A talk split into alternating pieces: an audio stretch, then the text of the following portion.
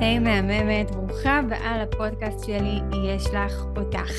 הפודקאסט שכל מטרתו היא לעזור לך להעלות באופן משמעותי את הביטחון ואת הערך העצמי שלך ולהפוך להיות קודם כל אשת החלומות של עצמך לפני שאת הופכת להיות כזו עבור מישהו אחר. אני עינב מנשה, מנחה בתת מודע, דמיון מודרך ו-NLP בדרגת trainer, והיום אני מארחת כאן את דוקטור גיל יוסף שחר, מייסד המרכז לרפואת הרמב"ם, מרכז לבריאות טבעית מבוססת מדע. אנחנו הולכות לדבר היום על בריאות, מזווית שכנראה לא ממש הכרת.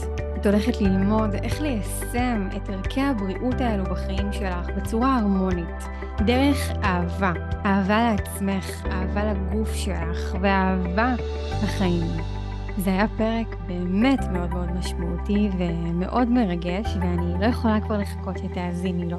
אני אציין שעקב תקלה טכנית שהייתה לנו, יכול להיות שלקראת סוף הפרק תוכלי להבחין בשוני באיכות השמע. דווקא בסוף היה לנו את התוכן הכי מעולה שיש, אז תמשיכי להקשיב, ויאללה, בואי נצא לדרך. אז שלום, דוקטור גיל. שלום, שלום. איזה כיף שאתה פה ושהסכמת להתארח בפודקאסט, אני ממש שמחה. בשמחה. הייתי שמחה שנתחיל בזה שתספר לנו בכלל איך הגעת לזה. זאת אומרת, גדלת בבית שלימדו אותך אה, להתנהל באופן הזה, לחיות באופן הזה, זה משהו שהגיע עם השנים, איך, איך הגעת לזה? אז אני לא גדלתי בבית שהבריאות היה בו איזה ערך אה, מרכזי, ממש לא. אה, אכלתי מאוד לא בריא, רק קמחים לבנים כמובן, הרבה בחוץ, ג'אנק פוד, אה, שניצלים מטוגנים, צ'יפס מטוגן, רוגלחים, רוגליות, ופלים, הכל מהכל. הכל טוב. למעשה, אכלתי אפילו מאוד לא בריא. זאת אומרת, אני זוכר שעד גיל 18, עד הצבא למעשה, לא אכלתי סלט. אה, אגב, מסיבה נורא פשוטה, אה, סלט, אה, ביסלי, מה יותר טעים? מה, למה בכלל להתאמץ לאכול סלט? לא, לא טעים לי כל כך, אמריקאים לא כל כך התחברתי. נאכל שניצל מטוגן עם כל דבר אחר שבא לי לאכול, עם אורז לבן. לא הייתה לי שום מודעות לבריאות, עד שבאמת זה קרה. זה קרה בעקבות ההתחלה של קריאה של ספרים בנושא. אני מאוד, אדם, אדם מאוד סקרן, אוהב לקרוא בכל תחום, בכל נושא. והתחלתי לקרוא ולהתעניין, ומקריאה לקריאה אתה באמת מתחיל להבין שרגע, אני עושה משהו מאוד רע לגוף שלי, ולא טוב לי עם זה. ואז לאט לאט מבשילה ההחלטה לעשות שינוי, היא מבשילה לא ביום אחד, אבל החלטה מבשילה בתוכך, עד שמגיע יום שבו אתה אומר, זהו, אני לא חי ככה יותר, אני עושה שינוי, ואז זה קרה. אז זה קרה שינוי באמת של 180 מעלות, ממש לכיוון השני, אה, של רק בריא, אה, לא אגיד בקיצוניות, אה, לאחרים אולי זה שמע קיצוני, אבל כן, 100% בריאות, אה, נהייתי פריק של בריאות, זה נהיה ההובי שלי, היום גם המקצוע שלי, אבל אה, כן, זה לא מהבית, זה קרה בחלק מהחיים. מדהים. אני חושבת שזה באמת ממש מעורר השראה. לכל מי שלא חי ככה היום. כלומר, יש איזושהי לפעמים מחשבה שמי שחי ככה הוא כנראה גדל ככה, זה כנראה רגיל וקל לו, אבל, אה, אבל לא. לא, ממש לא. אני אגיד יותר מזה גם. טעמים זה דבר מאוד נרכש. וגם אוכל שבהתחלה, מה לי ולקולורבי, או לאספרגוס, זה כל מיני ירקות מוזרים, ו- וסלט ירקות, וסלטים שלא אכלתי מעולם, ו... אז טעמים זה דבר נרכש, ולאט לאט אתה לומד אה, בהתחלה לאכול את זה, ואחרי זה גם לאהוב את זה. אני לא אשכח שכבר בצבא, הבנתי די מהר שכולם אוכלים סלט בצבא, יש ארוחת צהריים מגישים סלט, בוקר מגישים סלט ירקות, הסלט הפשוט, כן, המלפפון עגבנייה גמבה, הכי פשוט בעולם. ואני לא, לא, לא התחברתי, והבנתי שאי אפשר ככה להמשיך, אני לא יכול להיות שאני לא אוכל סלט, לא יכול להיות. אז אמרתי, אוקיי, אני אתחיל לאכול סלט. אמרתי לעצמי, אני אוכל מזלג כל פעם, מעבר לזה, לא, לא מגעיל אותי במרכאות, לא, לא, לא טעים לי, לא, לא בא לי.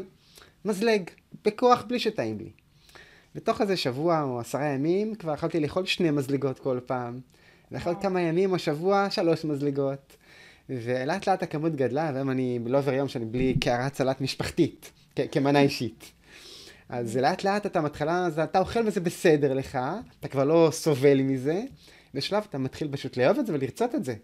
אז צריך אה, לא לפחד ממרקמים וטעמים חדשים, לנסות להתמיד, זה העיקר. זה מאוד חשוב מה שאמרת, העניין של לא לפחד מטעמים חדשים, אני יכולה להגיד לך שאני הייתי, כשהייתי יותר צעירה, סופר בעייתית באוכל, כאילו זה ברמה שבשולחן שישי היה דברים לעיניו ודברים לשאר האורחים בשולחן. אה, היה לי מאוד קשה לטעום דברים שאני לא אוהבת, כי הרי המוח שלנו בנוי מתבניות. את זה אני אוהבת, את זה אני לא אוהבת, ואני לא מתווכחת עם זה. ובאמת, כמו שאתה אומר, כדי לצאת מהמקום הזה, דרוש גם איזשהו תהליך מחשבתי של אני רוצה לבחור בזה קודם כל, לבחור בזה כי אני מבינה את היתרונות של זה, ואז, כן, דרך ההתנסות, לאט לאט מגלים שוואלה, זה דווקא טעים לי. נכון, נכון, בהתחלה לא, אגב, וזה בסדר, אבל התמדתי, לא ויתרתי, למרות שלא לא, לא היה לי טעים או לא נהניתי במיוחד מהסלט בהתחלה. לא נהניתי, אבל אכלתי כי צריך. היום אני כבר נהנה, זאת אומרת, ההנאה מגיעה עם הזמן, לא לפחד אם אתה לא נהנה כרגע. אה, זה הנקודה. מדהים. אוקיי, ובוא תספר קצת על, ה, על השיטה הזאת. השיטה, אה, וואו. אה, אז קודם כל באמת, האני מאמין שלי זה באמת לשלב בין אה, ידע, גם ידע עתיק של גישות עתיקות ואנשים חכמים שחיו לפני מאות ואלפי שנים, וגם חיבור למדע המודרני העדכני. ואני מביא איתי את כל מה שלמדתי בלימודי הרפואה בטכניון. בעקבות אגב כל החיבור לעולם הבריאות, אה, החלטתי ככה בין היתר, ככה רפואה מאוד דיבר אליי.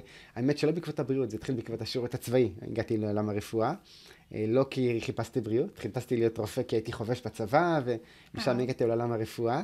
ורק במהלך שנות הלימודי רפואה עברתי את הסוויץ' לבריאות ממש. זה לא אוקיי. קרה לפני. ככה באמת, השם כיוון את זה בדרכים, בדרכים שלו, לכוון דברים בעולמנו. היום אני מאוד מודה על, על הכוונון הזה שכיוונו אותי ללימודי הרפואה המערבית, המודרנית. למרות שאני לא עוסק בזה בפועל, אני רופא, בוגר הטכניון, אבל לא עוסק בזה בפועל. הידע שזה נתן לי, וההבנה העמוקה של תהליכים באנטומיה, פיזיולוגיה, להכיר את, עול, את עולם הכימיה המולקולרית ברמה גבוהה, להכיר את המחלות, את התרופות השונות. זה ידע שמאוד רלוונטי היום לכל עולם הריפוי כמובן. אז אני מאמין בשילוב, אני מאמין בחיבור בין עתיק לבין חדש. זאת נקודה ראשונה, תמיד להמשיך ללמוד על עוד שיטות, עוד כלים, עוד אמצעים שיכולים לעזור, לשפר את הבריאות, למנוע מחלות, לרפא מחלות. אה, זאת נקודה ראשונה, אני לא מקובל איזה אג'נדה אחת, זאת האמת וכל השאר טועים, אלא אדרבה, כל גישה יש לה גם דברים חכמים להפיק ממנה או ללמוד ממנה או לקחת ממנה. ואני מאוד בעד. אצלנו גם בלימודים, אני לא מלמד איזושהי אג'נדה, אה, שיטת שלטון זאת האמת, או שיטת קינגסטון זאת האמת, או ככה צריך לחיות, או טבעונות זאת האמת, או פלאו זו האמת, או... אה, נהפוך הוא, אני מלמד על כל השיטות.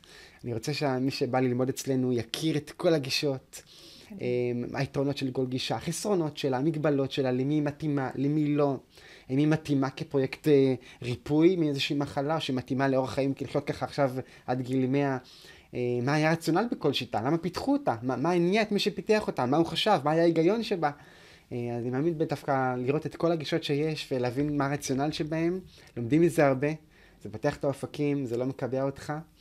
והגישה שלי היא די אה, הולכת לפי אורו של הרמב"ם. הרבה דברים התפתחו מאז הרמב"ם, אבל הגישה היא לאורו ודרכו.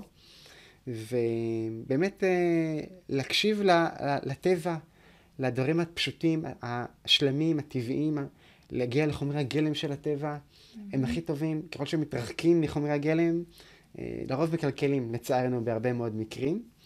אה, זה ככה בכותרת על, כן? יש הרבה פרטי פרטים אה, בשיטה, בגישה, אבל קודם כל באמת לאכול מזון אמיתי.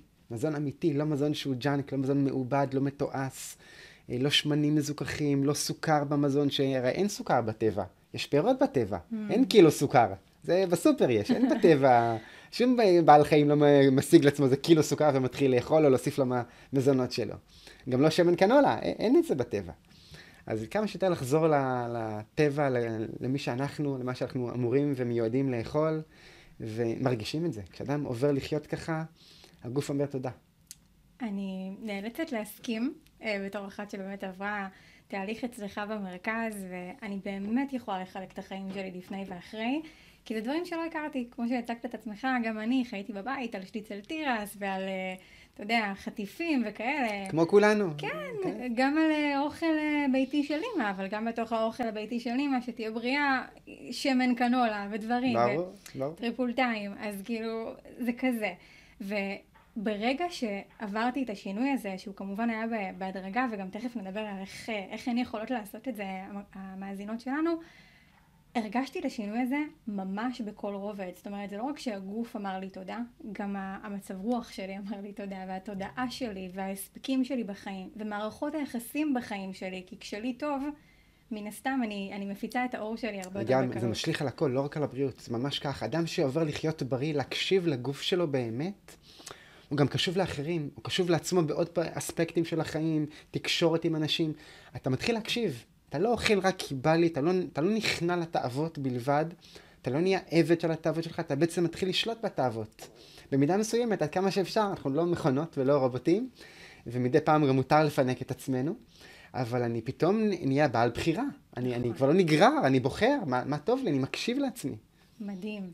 אם הייתי צריכה לשאול אותך, מה זה בשבילך לחיות באמת בבריאות? מה היית אומר? לפני הכל, להיות שמח. להיות שמח באמת. את השמחה זה לא לסמן וי.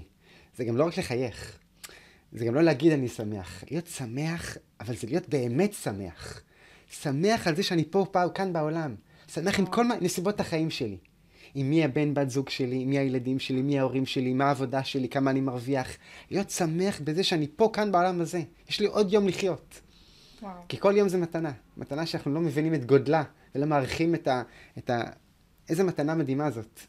ולהיות שמח בכל התנסות שאני עובר, להבין שכל התנסות שאנחנו חווים בחיים, כל אתגר בחיים, הוא מכשיר בחדר כושר, שנועד באמת לחזק בנו שרירים רוחניים כאלה ואחרים. באנו לכאן כדי לצמוח, לגדול, להתפתח. איזה כיף, זכיתי לעוד יום של צמיחה וגדילה.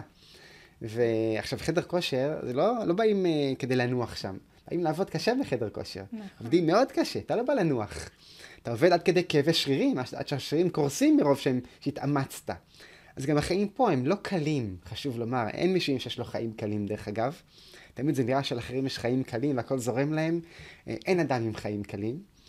אה, לכל אחד יש את האתגרים שלו, ואם יש מדי פעם אה, פרקי הפוגה מאתגר לאתגר, אבל האתגרים מגיעים ולא צריך לחשוש מהם. צריך לקבל אותם באהבה מתוך הבנה ש... נתנו לי את האתגרים שיעצימו אותי ויפתחו בי כישרונות שחבויים עדיין בתוכי, ויצמיחו אותי ויגדילו אותי. ואיזה כיף, באתי לעוד יום של לימודים, עוד יום של צמיחה וגדילה. עכשיו, זה לעבוד, זה לאמץ את השרירים הרוחניים, הנפשיים, הרגשיים. לא תמיד קל. אבל אם אני שמח בעבודה הזאת של החיים, והחיים מאתגרים, אז אני באמת שמח. וזה לפני הכל, וואו. לא משנה מה אדם אוכל. את יודעת, בדקו מה הסוד במרכאות של הקהילות מעריכות החיים בעולם. זה נקרא בלו זון, האזורים הכחולים בעולם. אזורים mm-hmm. שיש בהם את הקהילות עם תוחלת החיים הגבוהה ביותר. חיפשו מה משותף להם, מה הסוד שלהם. אז uh, בדקו לגבי, התחילו מהתזונה, בואו נראה מה הם אוכלים, אולי שם טמון הסוד. והאמת שכל קהילה אוכלת משהו אחר לגמרי. לא, לא אותו, כמות פירות שונה, כמות ירקות שונה, כמות קטניות שונה, מעט חלב, הרבה חלב. לא מצאו חוקיות. כולם אגב אוכלים אוכל מאוד מאוד אה, ביתי ואמיתי ופשוט. ולא דברים מתועשים, כמעט ולא, נדיר מאוד. אה, פה היה המכנה המשותף בתזונה, אבל אה, כמויות של בשר, חלב, כמה פירות, כמה קטניות, כמה אגוזים, מאוד שונה, וכולם הגיעו לתוחלת חיים מאוד מאוד גבוהה. אז זו, לא זה היה המפתח, מסתבר, כמה שזה חשוב לאכול בריא. מה שמצאו זה הדברים האחרים. המשפחה כערך, הקהילה כערך, חוסר תחושת הלבד, הכבוד לקשישים. הם קשישים נצרנו בעולם המערבי, לא פעם אה, נזנחים, הם, הם פחות חשובים, העולם שייך לצעירים, הסיסמה הידועה. קשישים כבר בפנסיה, לא יצרנים, לא בעלי חשיבות, אה, רחוקים מהמשפחה לא פעם, בערים אחרות מהילדים, מהנכדים, ושם מה שמצאו זה דווקא הקהילות, החיים, בחם, בסוג של מיני חמולות כאלה, כולם ביחד, כל השלוש ארבע דורות קדימה כולם ביחד, יש את הקשר דם אחד עם השני, המפגשים המשפחתיים המורחבים. אלה, זה מה שמצאו, האמונה שאגב מצאו בכל הקהילות האלה. וואו. אה, חיבור לטבע, חיים בחוץ יותר באמת. הרבה דברים שיש מה ללמוד מהם לחיים שלנו. אה, ערבות הדדית, אה, משהו שמאוד מסתבר, מעריך תוחלת חיים. אז התזונה חשובה, אבל היא לא הכי חשובה.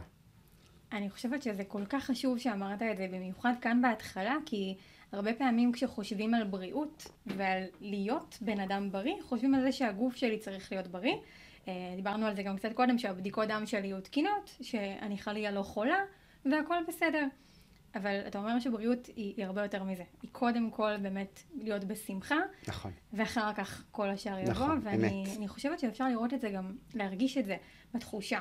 אם בן אדם קם בבוקר והוא לא שמח, מה זה יעזור שהגוף שלי בריא? זאת אומרת, אני לפחות יכולה להגיד על עצמי שכשאני לא שמחה, ויש לי ימים כאלה, מה לעשות, שאני לא שמחה, הכל מרגיש עקום. הכל מרגיש שהוא לא עובד, לא בא לי את זה ולא בא לי את זה, וכאן זה לא הולך, ובעסק לא הולך, ואני רבה עם הבן זוג שלי, ומלא דברים קורים. אבל כשאני שמחה, כשאני קמה בבוקר, ואתה צודק, זה תרגול וזה גם החלטה להיות אדם שמח. ממש החלטה. אה, ואני אשמח שתכף גם תרחיב על זה טיפה מהחיים האישיים שלך אם תסכים, אבל אה, כשאנחנו מגיעים ממקום כזה, הכל הופך להיות הרבה יותר טוב. אני זוכרת שהיה לי איזה יום כזה, שקמתי בבוקר עם מצב רוח, לא יודעת, לא קרה כלום, פשוט קמתי ואמרתי תודה. בירכתי בבוקר, קמתי ואמרתי, איזה כיף, ירדתי עם הכלבה שלי לטיול, חזרתי הביתה, אה, זה היה בתקופה שעוד הייתי שותה קפה עם סוכר בבית, שהכנתי לי קפה, ונשפך עליי הקפה. במצב אחר הייתי מתחרפנת, כאילו, מה עכשיו נשפך עליי הקפה? הרגע התלבשתי. אוקיי, סימן שצריך להחליף חולצה, נלך להחליף חולצה. כאילו, הכל הופך להיות הרבה יותר קליל וחיים, נכון, אה, נכון. בחיים. אגב, יש מחקר מעניין שמצא שאכילת פירות וירקות אה, קשורה למדד השמחה של הבן אדם. אנשים שאכלו יותר פירות וירקות היו יותר שמחים. וואו. עכשיו, אה, החוקרים שם כותבים בסוף שיש בעיה במחקר הזה, כי הם אומרים, מצאנו את הקשר בין כמות אכילת פירות וירקות לשמחה. אנחנו לא יודעים להגיד האם אכילת הפירות והירקות היא הסיבה לשמחה או התוצאה של השמחה. אומרים, אולי אדם שמח אוכל יותר פירות וירקות, ואדם פחות שמח נגרר למאכלים המנחמים, הלחמים, המאפים, החטיפים. אה, אז אולי דווקא אכילת הפירות היא התוצאה של השמחה. ואולי גם הסיבה לשמחה. אתה אוכל מלכתחילה יותר פירות וירקות, אתה נהיה יותר שמח. מעניין. אה, אז המדע לא יודע עוד להכריע אם זה הסיבה או תוצאה, אבל האמת היא, זה לא משנה.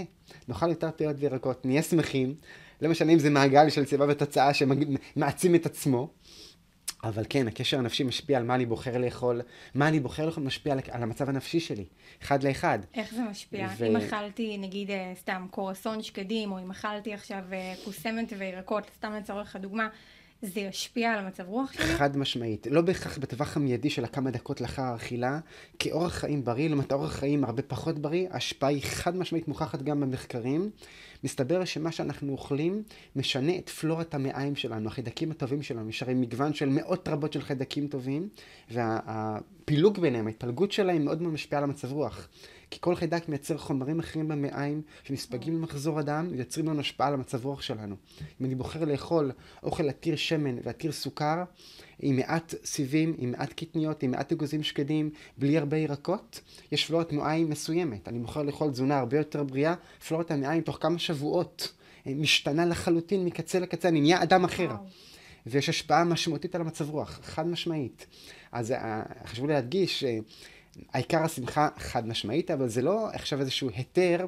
העיקר השמחה, יאללה, משמחת אותי לאכול פיצה משפחתית, כל יום אני אקח פיצה משפחתית ולמחרת המבורגר ואחרי זה צ'יפס, זה מה שמשמח אותי, דוקטור גיל אמר, העיקר השמחה, אז בוא נאכל עוגות בלי סוף, כי העוגות הכי משמח אותי בעולם, אז צריך לשים את הגבולות גם, גם פה.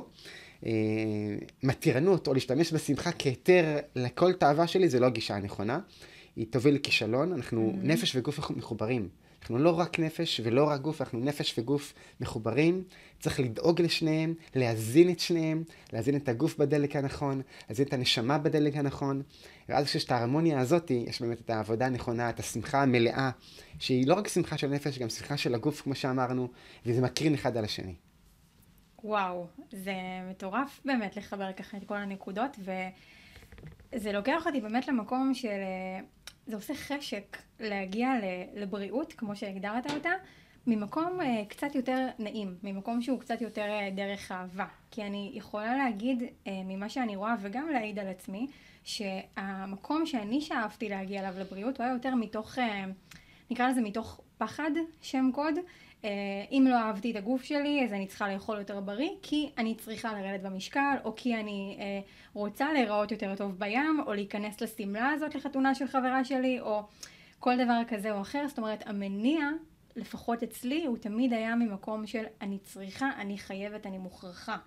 Uh, היום כשאני מסתכלת על בריאות, באמת אחרי התהליך המטורף שעברתי, אני מסתכלת על זה מתוך אהבה לגוף שלי. אני עושה את זה כי א', אני כבר יודעת שזה עושה לי טוב, אני כבר ראיתי את התוצאות של זה, אז זה יותר קל. אבל גם בתחילת הדרך ניסיתי מאוד להחזיק בראש את זה שאני עושה את זה בשבילי. כלומר, אני לא מונעת מעצמי, אלא אני, ההפך, אני נותנת לעצמי בזה שאני לא נוגעת בדברים מסוימים. איך לדעתך אפשר לעשות את המעבר התודעתי הזה בין העולם הזה של הישגיות שאני צריכה לעשות את זה כי, או כי ככה הסביבה אומרת, או כי אני גם רוצה להיות חלק ואני צריכה לאכול עם כולם במסעדה את מה שהם אוכלים, לבין להגיע לאיזה גישת חיים כזאת של אני עושה בשבילי מתוך אהבה. שאלת שאלה מאוד מאוד טובה ומאוד קשה. אה, אתגרת אותי בשאלה. אז קודם כל חשוב באמת לומר כהקדמה, שאי אפשר להתמיד במשהו אם אין לך בו עונג ותענוג. תוכל לעשות משהו מתוך הכרח, כי חייבים, כי צריך, אה, לתקופה מסוימת. תגייס את כל כוחות הרצון שלך, את, את ההחלטה הנחושה שלך, כי צריך. כי אני מפחד ממשהו, כי אני חייב. לאורך זמן, כחיים שלמים, זה לא יחזיק מעמד. אז חייבים בסוף גם לעשות מאהבה.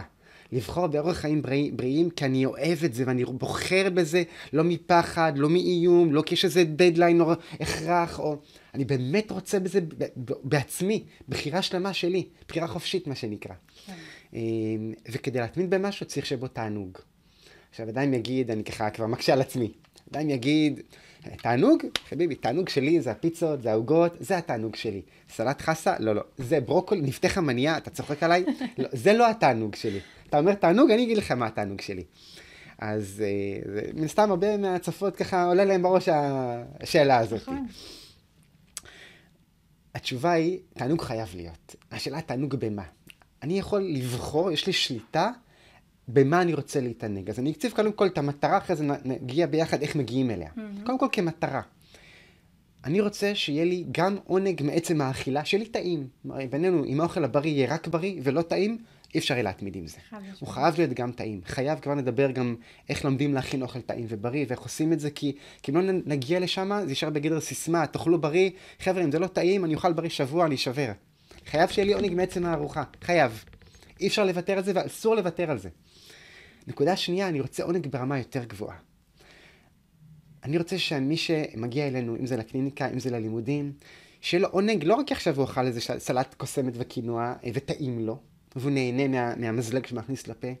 אני רוצה שיהיה לו עונג, שהוא יתענג, שהוא ישמח מזה שהוא עכשיו עושה משהו טוב לגוף שלו.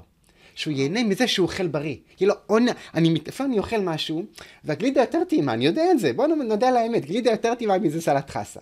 אבל עכשיו אני נהנה, יש לי עונג מהסלט חסה, לא כי הוא הכי טעים בעולם, אני מתענג ממנו כי אני יודע, יש לי עונג, אני עושה שמחה, אני עושה משהו טוב לגוף שלי. אני, אני עוזר לגוף שלי, אני מחזק אותו, אני מרפא אותו, זה מה שמשמח אותי, זה מה שגורם לי תענוג. וואו. אז צריך להגיע, ל... צריך, אני מציב את זה כ, כיעד לשאוף אליו, לאן צריך להגיע. אז אני חייב שיהיה תענוג, גם תענוג גשמי, שהגוף ייהנה, קודם כל מה, מהטעם, ב' שהנפש תהנה מהמטרה שאני חותר אליה.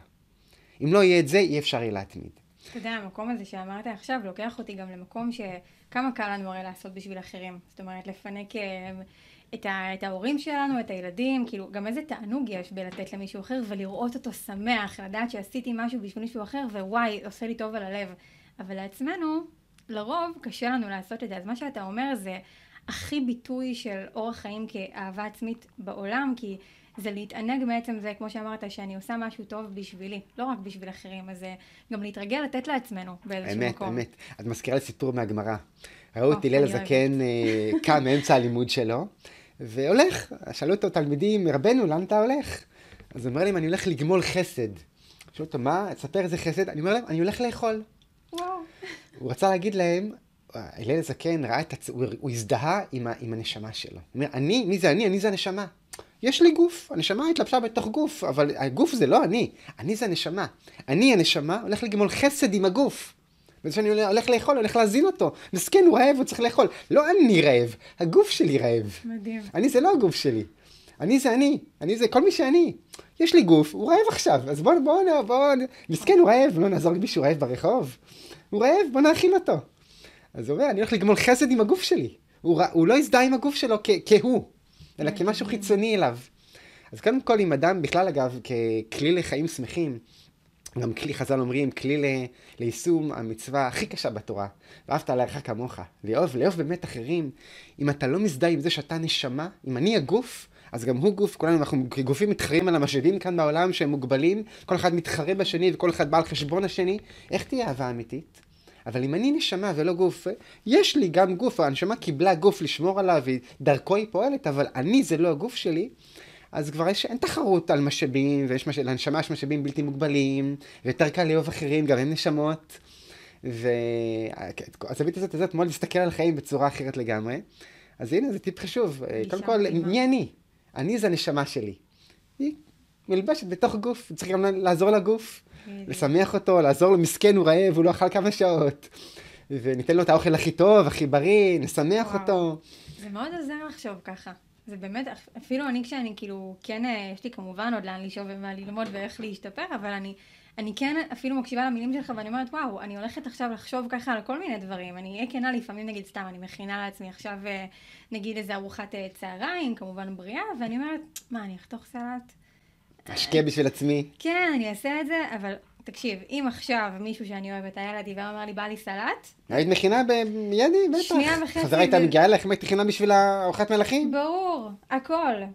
ואז לפעמים אני אומרת לעצמי, כאילו, אוקיי, ההתלבטות הזאת היא שנייה, היא גורעת ממך בסוף. כאילו, אם את עכשיו לא תאכלי את זה, את יודעת שאכלת עכשיו פחמימה בלי ירקות, זה פחות טוב לנו. למה תעשי נזק לגוף שלך? למה לא תאהבי אותו? ממש, אפילו, אפילו התאכזרת אליו באיזשהו מקום קצת, ככה מילה לא קלה לשמוע. נכון. אבל, אבל כן, היה פה מישהו חיצוני שהוא לא את, את נשמה, יש לך חיי נצח, ובא פה מישהו מסכן, ואת יכולת לעזור לו, והתעלמת מהצרכים שלו. נכון.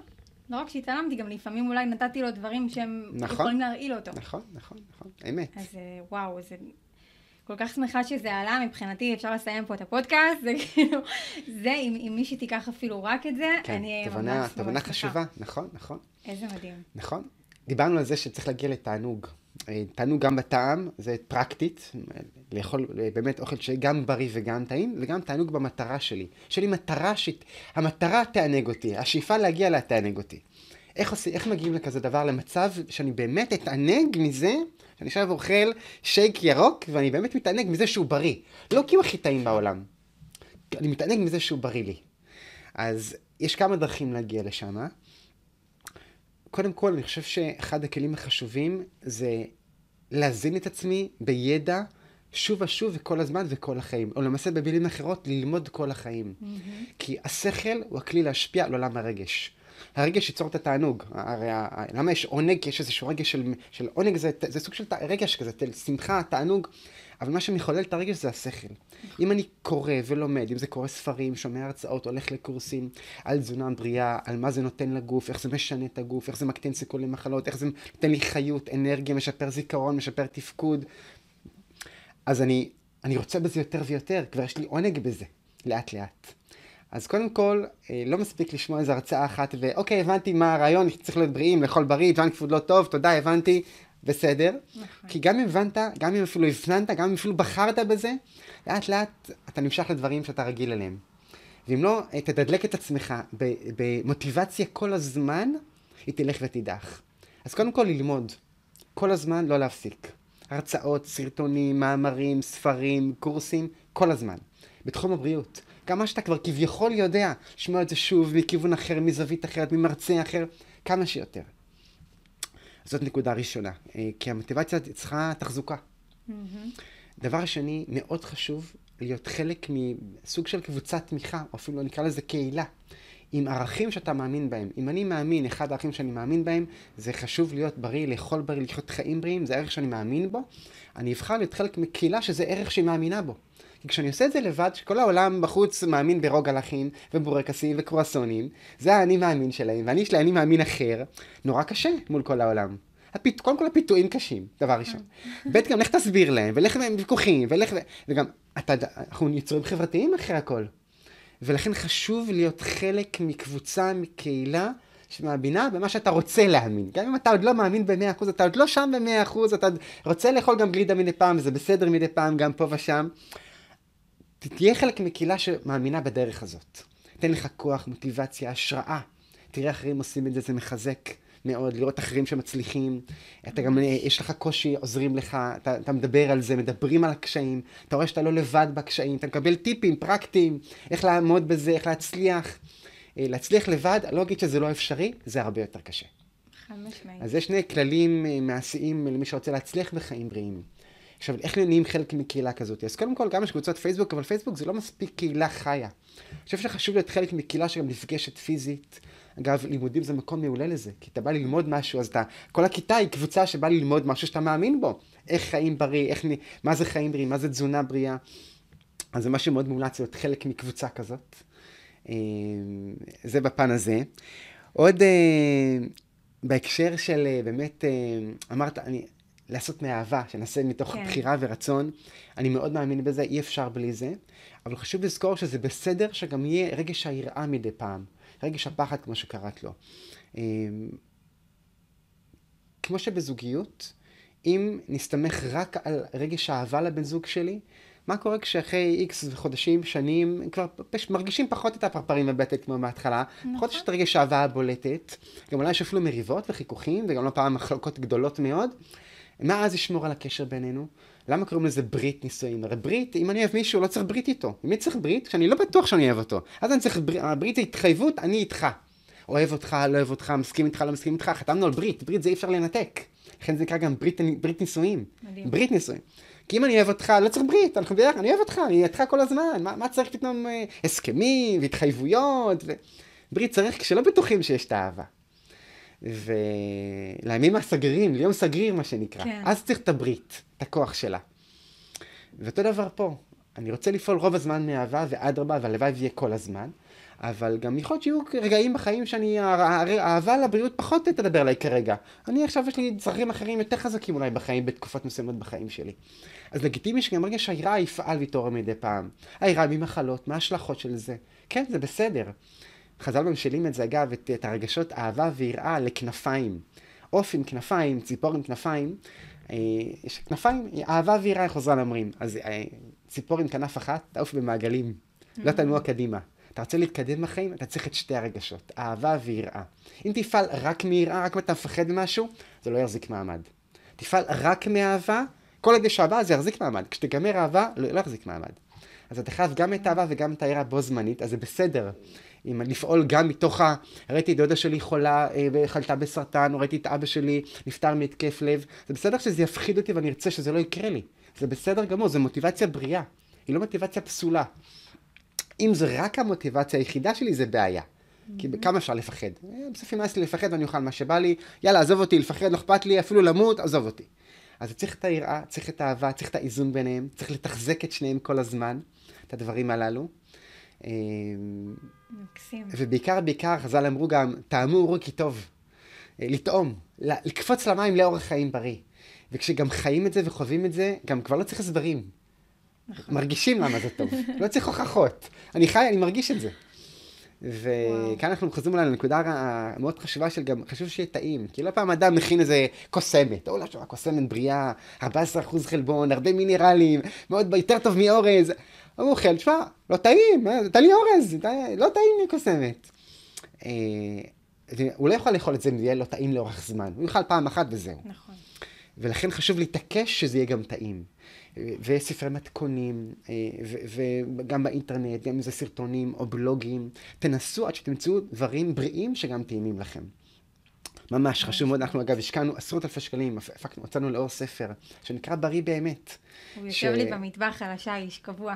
זה, זה, אה, זה השקעה מטורפת של כל הצוות פה, אה, במיוחד הדס, אה, הסמנכ"לית של המרכז, מסירות עצומה, 60 מתכונים טעימים ובריאים, כל מתכון פה עבר טעימות של כל הצוות וחותמת איכות. במיוחד הרוטב עגבניות של הפסטה.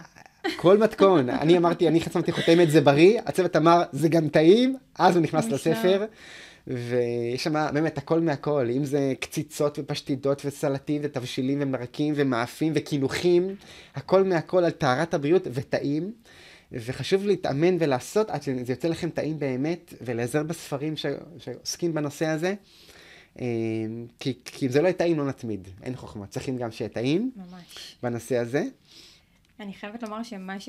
שאמרת עכשיו, מאוד מאוד מאוד התחברתי למקום הזה שצריך גם וגם, כי נכון שיש לנו שאיפה.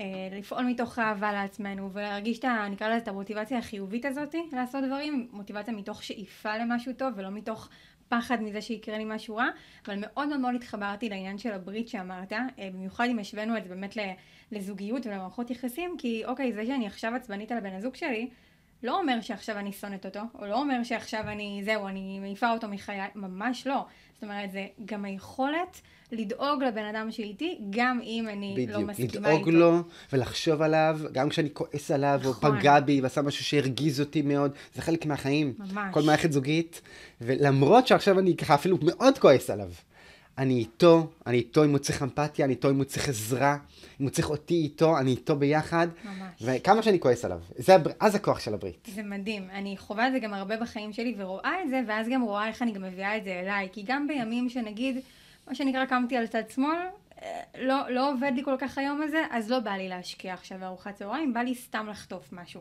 ואז אני אומרת לעצמי, אבל רגע, דווקא בגלל שיש לך יום כזה, את ממש צריכה אותך עכשיו, אז בואי תשקיעי ובואי תעשי, וכן, כמו שאמרת, חובה שזה יהיה טעים, כי קודם כל זה יכול להיות טעים, זה חייבים רק להגיד, כי יש איזה גם קונוטציה שאוכל בריא הוא כזה טפל ומגעיל כזה, ולא ממש מאוד לא, טעים. יכול להיות מענג מאוד. אני מסכימה. היום אני יכולה להגיד שאני מסכימה, פעם זה, פעם חשבתי בדיוק כמו שאמרתי עכשיו, אבל אני לגמרי מסכימה, ואני גם מאוד נעזרת במתכונים. השלב הבא שלי זה להכין את העוגת שוקולד עם העדשים שחורות, אז אה, נבדוק. שועית שחורה שם. שועית גם, שחורה, נכון, כן, נכון. כן, זה- זה עוגה מדהימה. נבדוק. אנשים שומעים על זה, עוגה משועית, שחורה. עוגת שוקולד. עוגה, המילה עוגה ושועית שחורה לא הולך ביחד. נכון. וזה, אנשים לא מבינים, לא לא מאמינים, וזה טעים.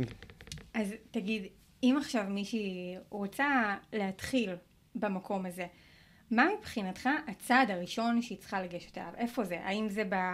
אחרי שהיא שינתה את התפיסה? האם זה בתזונה? האם זה בהרגלי חיים שלה בכלל?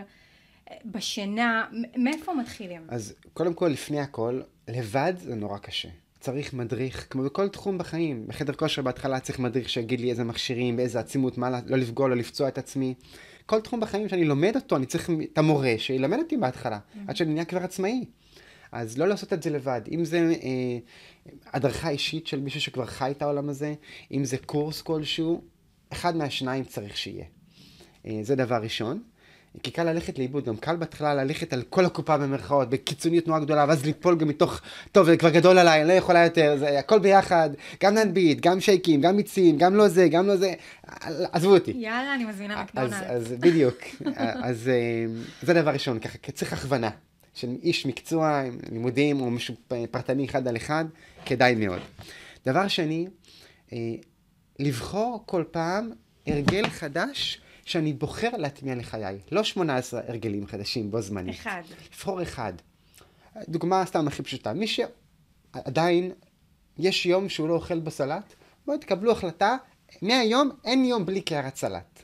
בין אם זה בבוקר, בצהריים או בערב, לא יכול להיות שיגמר יום בלי שאכלתי קערת סלט. לא יכול להיות, לא, לא ייוולד כזה יום בעולם. לא יכול להיות. אני אלחם על זה. אוי, בבוקר, צהריים, ערב, מתי שזה יקרה. זה כבר חלק מהחיים שלכם. הטמטתם בזה שבוע, שבועיים, סימנתם וי, מעולה. יאללה, המשימה הבאה. יכולה, המשימה הבאה יכולה להיות למשל, או להוריד משהו שאני יודע שהוא מאוד לא בריא, ולשמור אותו לפעם בחודש, או פעם בכמה שבועות, ככה לא בתדירות גבוהה. זה יכול להיות אה, עוד הוספה של משהו. אני לא אוכל אגוזים ושקדים למשל, אם למשל זה המקרה, אז אני מקבל החלטה טובה לאכול כל יום חופן אגוזים ושקדים טבעיים כלשהם. חופן אחד ביום כחלק מהסעודה שלי, לדוגמה. או אם אדם מגלה על עצמו שהוא אוכל כל הזמן, אין ארוחות מסודרות. יש ארוחת בוקר, צהריים ערב, גם יש ארוחת ביניים, 10, ארוחת 4, ארוחת 18, ארוחת... אה, מלא ארוחות. אז לקבל החלטה לאכול שתיים או שלוש ארוחות ביום. כותב הרמב"ם אגב שזה כלי נורא מהותי לשמירת הבריאות. אה, המעיים שלנו צריכים הפסקה בין ארוחה לארוחה. אכלת ארוחה, תן למערכת העיכול זמן להבין מה הגיע, לעבד את זה, לעכל את זה, לספוג את זה. אה, תן לזה כמה שעות טובות להתרחש שם בלי שאתה מפריע. ואז זה אומר שכאילו אין את הנשנושים. אין נשנושים, אין, אין נשנושי ביניים. יש ארוחת בוקר, ארוחת צהריים, ארוחת ערב, כל ארוחה יש לה התחלה וסוף. התחלה נגמר, התחלה נגמר, באמצע אין כלום, רק מים או חליטת צמחים. זהו, אין, אפילו לא משהו בריא, אפילו לא, מה, רק תמר, רק שקד, גם משהו בריא. כלום, כלום זה כלום. למה זה מפעיל בעצם שוב את הרמב"ם המערכת? כותב, כן, כן, אכלת ארוחה, אתה כבר לא רעב, אגב, לא להתפוצץ כמובן בסעודה, אבל אכלת ארוחה סבירה, הגיונית, תן לגוף כמה שעות לאבד את הארוחה הזאת. זה מהותי לאיכות העיכול שלנו, איכות העיכול משפיעה על ספיגת מינרלים, ויטמינים, מה שמשפיע על מערכת החיסון, על האיזון ההורמונלי, על מערכת העצבים, על המצב רוח שלנו, על כמעט כל דבר. תנו לארוחה להתקל כמו שצריך, אל תפרו, שלא יהיה בקיבה בו זמנית מזון חצי מעוקל ומזון טרי שהגיע עכשיו וצריך להתחיל לעבור את העיכול מההתחלה.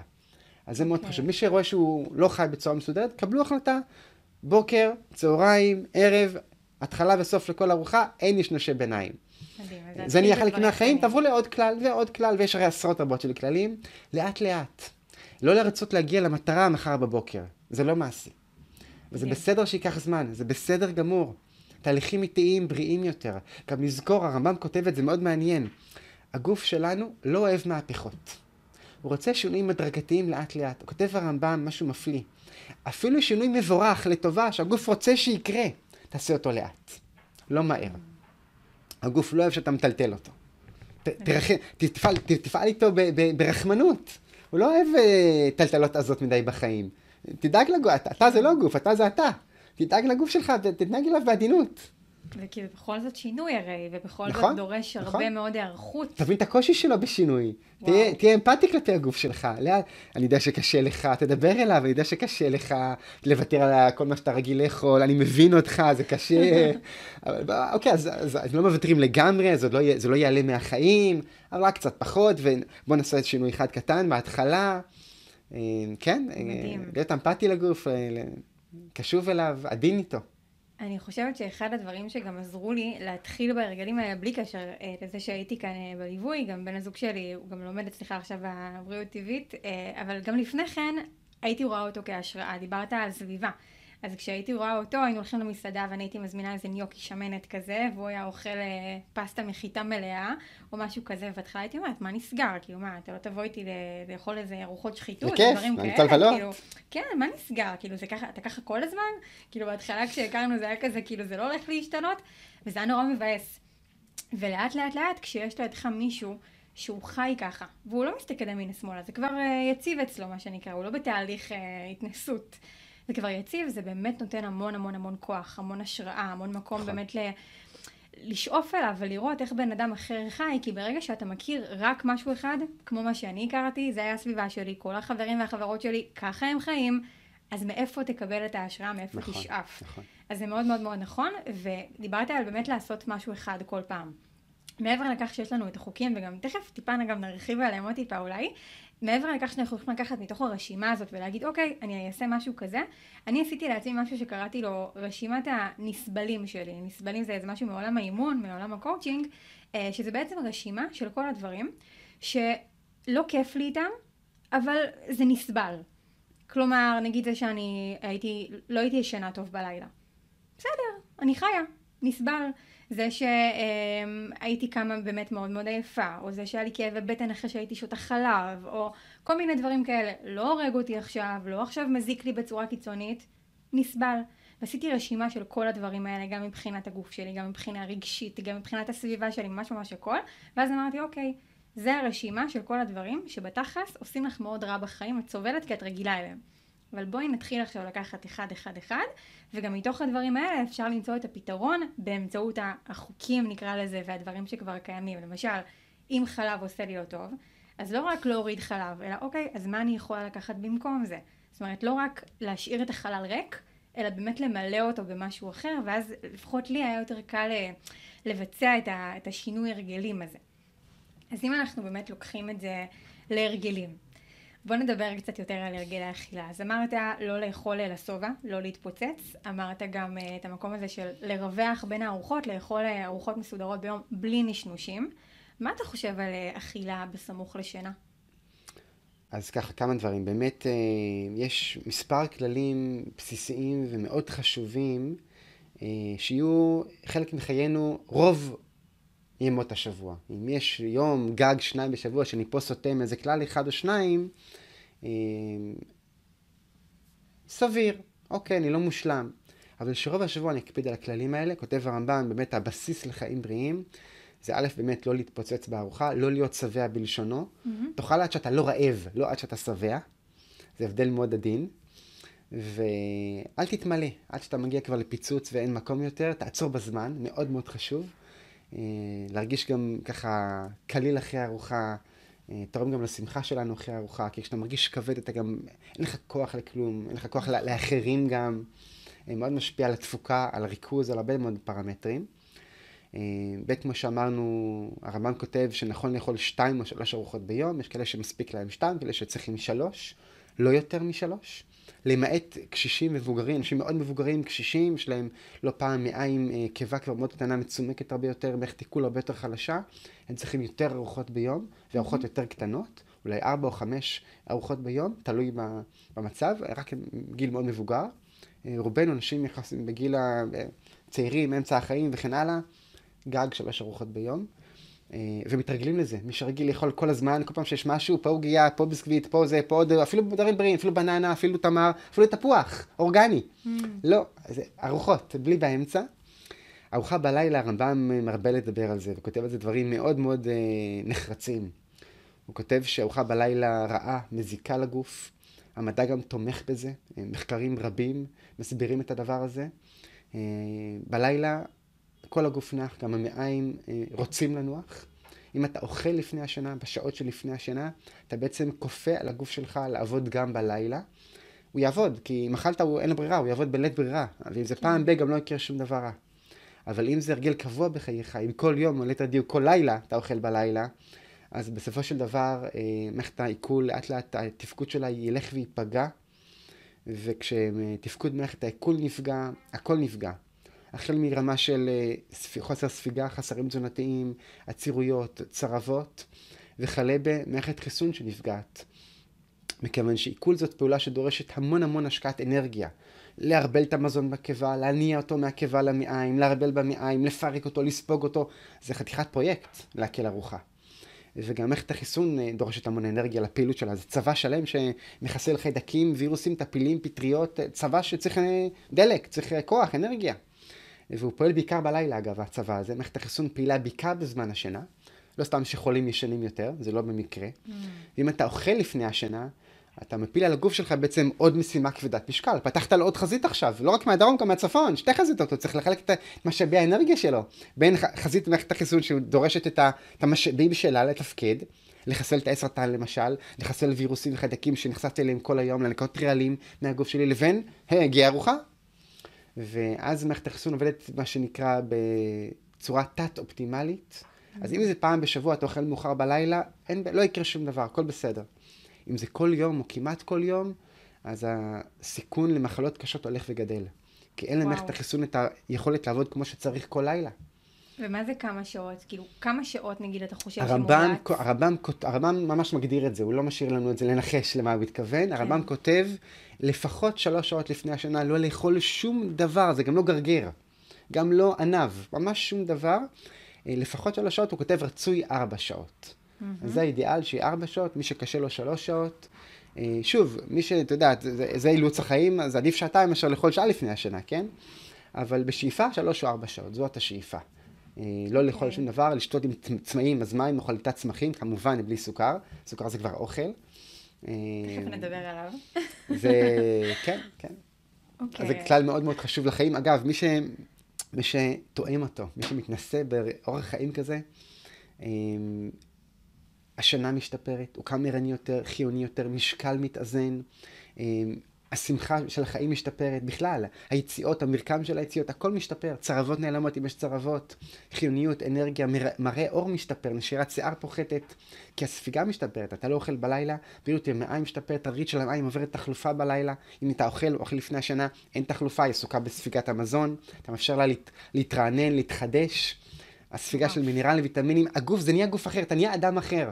אם אתה לוקח את זה על עצמך, אתה נהיה אדם אחר. זאת אומרת שמישהי אפילו לוקחת על עצמה כרגע רק לא לאכול לפני השינה. זה, רק את זה. זה מהפכה לחיים. וואו. רק את זה. שום דבר אחר שלא תיקח, רק את זה. זה מהפכה, לא פחות. עכשיו, מצאת טיפ קטן לעשות שינוי הרגלים בחיים.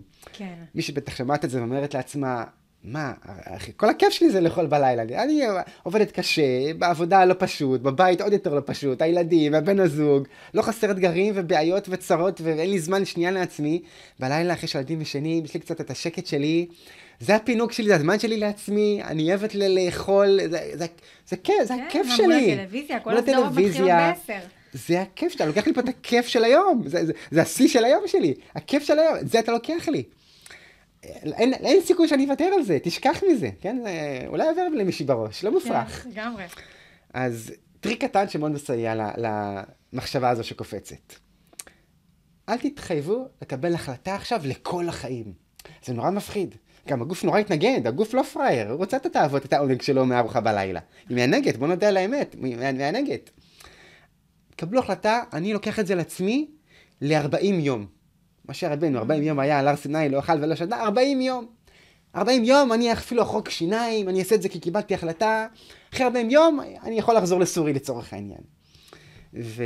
אז קודם כל, לקבל החלטה מוגבלת בזמן הרבה יותר קל. כי לא התחייבתי לכל החיים. לא עשיתי פה התחייבות שאני חתום עליה ולכל החיים. התחייבתי ל-40 יום, אני אעמוד בזה. 40 יום אני מוכן, טירונות, כן. טירונות זה לא כל החיים, טירונות נגמרת מתישהו. קשה, תקופה קשה, לא ישנים, המפקד צועק עליך, אוקיי, זה ייגמר מתישהו, זה לא, לא כל, כל, כל השירות. זמני. כן, אני מוכן לסבול, כי, כי אני יודע שזה זמני.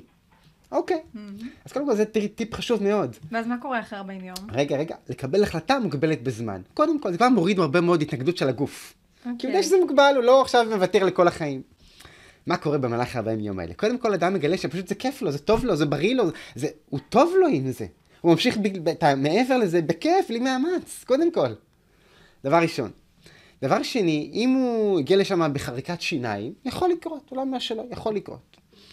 לסוף ה-40 יום האלה, אוקיי, אז עכשיו תוריד את המינון של זה, תגיד, אוקיי, אז לא כל לילה, אז פעמיים בשבוע אני מרשה לעצמי לאכול בלילה. אגב, זה בסדר להרשות לעצמך לילה אחד בשבוע בכיף, מראש להתיר לעצמך לאכול גם מאוחר בלילה, בלי איסורי מצפון. Mm-hmm. יאללה, פעם בשבוע, תבחר לעצמך יום, אוכל גם בלילה, לא מרגיש אחרי זה איסורי מצפון לזה, בסדר גמור, לגיטימי. זאת אומרת שכל עוד עם שאר הבסיס הוא טוב? בדיוק, כל עוד רוב השבוע הוא טוב, לא תהיה שום בעיה.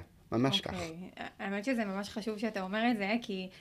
אין מספיק מודעות לדעתי לדבר הזה. זאת אומרת, אני מניחה שכל אחת יודעת שכאילו לא טוב לאכול בלילה, אבל היא לא יודעת למה.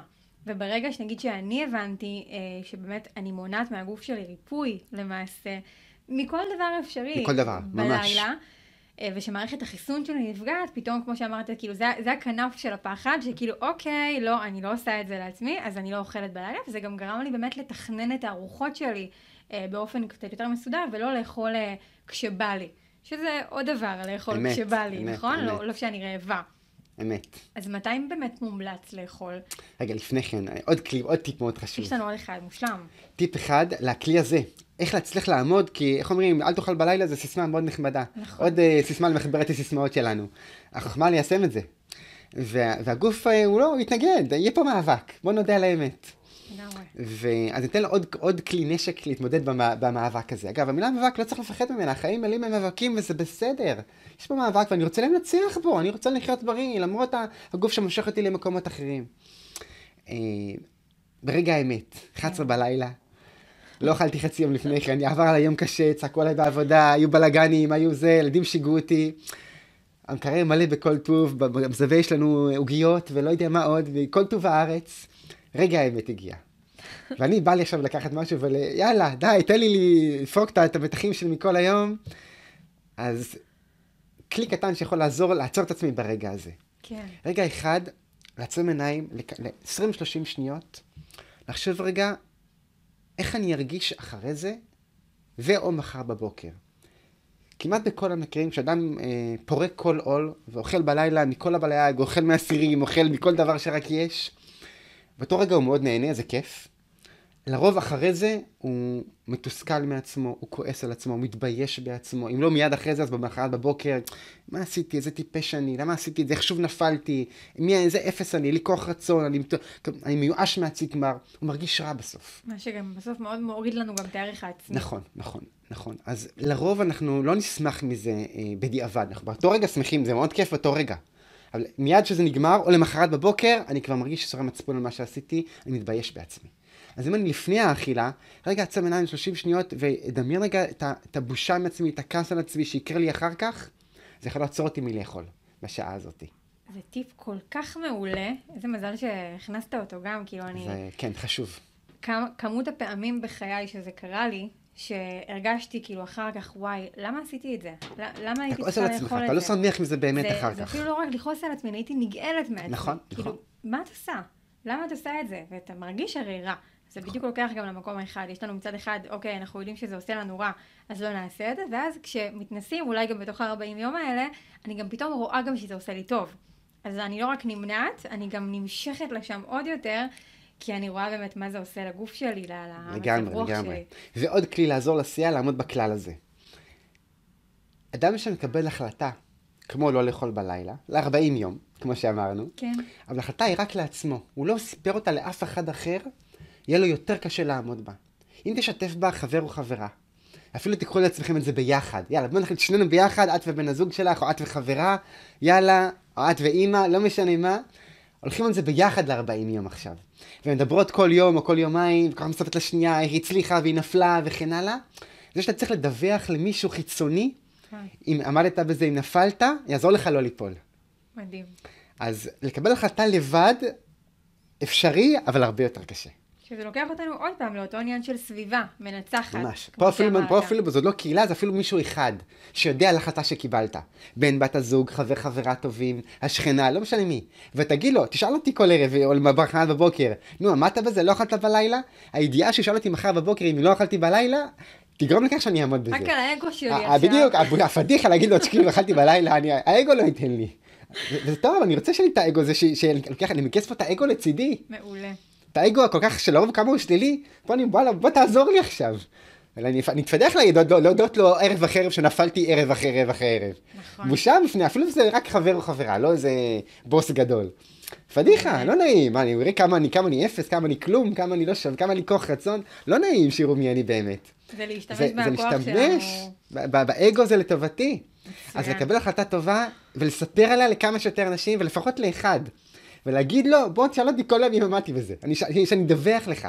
אני אומרת, תתחייבו בסטורי באינסטגרם. מעולה, מעולה. וששאר החבר'ה, שאר הבנות בקבוצה, שישאלו אותם כל יום, נו, נו, עמדת בזה, תספרי, תכתבי. והידיעה שהן צריכות לכתוב כל יום אם עמדו בזה או לא, זה יעזור להם לעמוד בזה הרבה יותר. הרבה נכון. יותר. זה באמת להשתמש גם בעניין הזה שנורא חשוב לנו מה חושבים עלינו, אה, והתדמית שלנו שנורא חשובה לנו, נכון, כדי בסוף לעזור נכון, לעצמנו. נכון, נכון, לגמרי. אני משתמש בכלי הזה לטובתי. אני פעם נתתי כלי לאחת המתאמנות שלי, אה, ואני משתמשת בזה גם לפעמים בעצמי. כאילו לדמיין, יש את ה... אתה מכיר את הסדרה הזו שהייתה פעם יום בחיי, שלוקחים כזה מפורסמים, וכאילו עושים סוג של כזה, מלווים אותם ביום שלהם. אז מראים שם את כל היום, כאילו, כן? מראים כאילו את כל מה שהם עושים. מריחה מסוימת. כן, אבל את כל התחנות בתוך היום. כאילו זה לא מבוים, אבל בסדר. היום יום שלנו, הייתי מדמיינת את זה כאילו שעכשיו מישהו צופה בי, כמו האח הגדול כזה, ביום בחיי. והוא רואה הכל. זאת אומרת, אין לי יכולת לצנזר אם אכלתי מהסיר, אין לי יכולת לצנזר אם uh, צעקתי על מישהו בטלפון, אין לי יכולת לצנזר כלום. ואז אני אומרת, אוקיי, אם עכשיו מישהו היה רואה את זה, האם הייתי גאה בעצמי? או שהייתי מתביישת, או שהייתי רוצה שיורידו את הפרק הזה בעריכה, וזה, כמו שאמרת, זה, זה באמת נותן לנו את המקום הזה של שנייה לחשוב. ואולי לבחור אחרת. זה נחמד, אבל כמו שאני יודע שבאמת, אף אחד לא באמת צופה בי כרגע, מצלמים אותי כרגע, אבל חברה אחת תשאל אותי אם אכלתי או לא בלילה, זה יקרה בוודאות.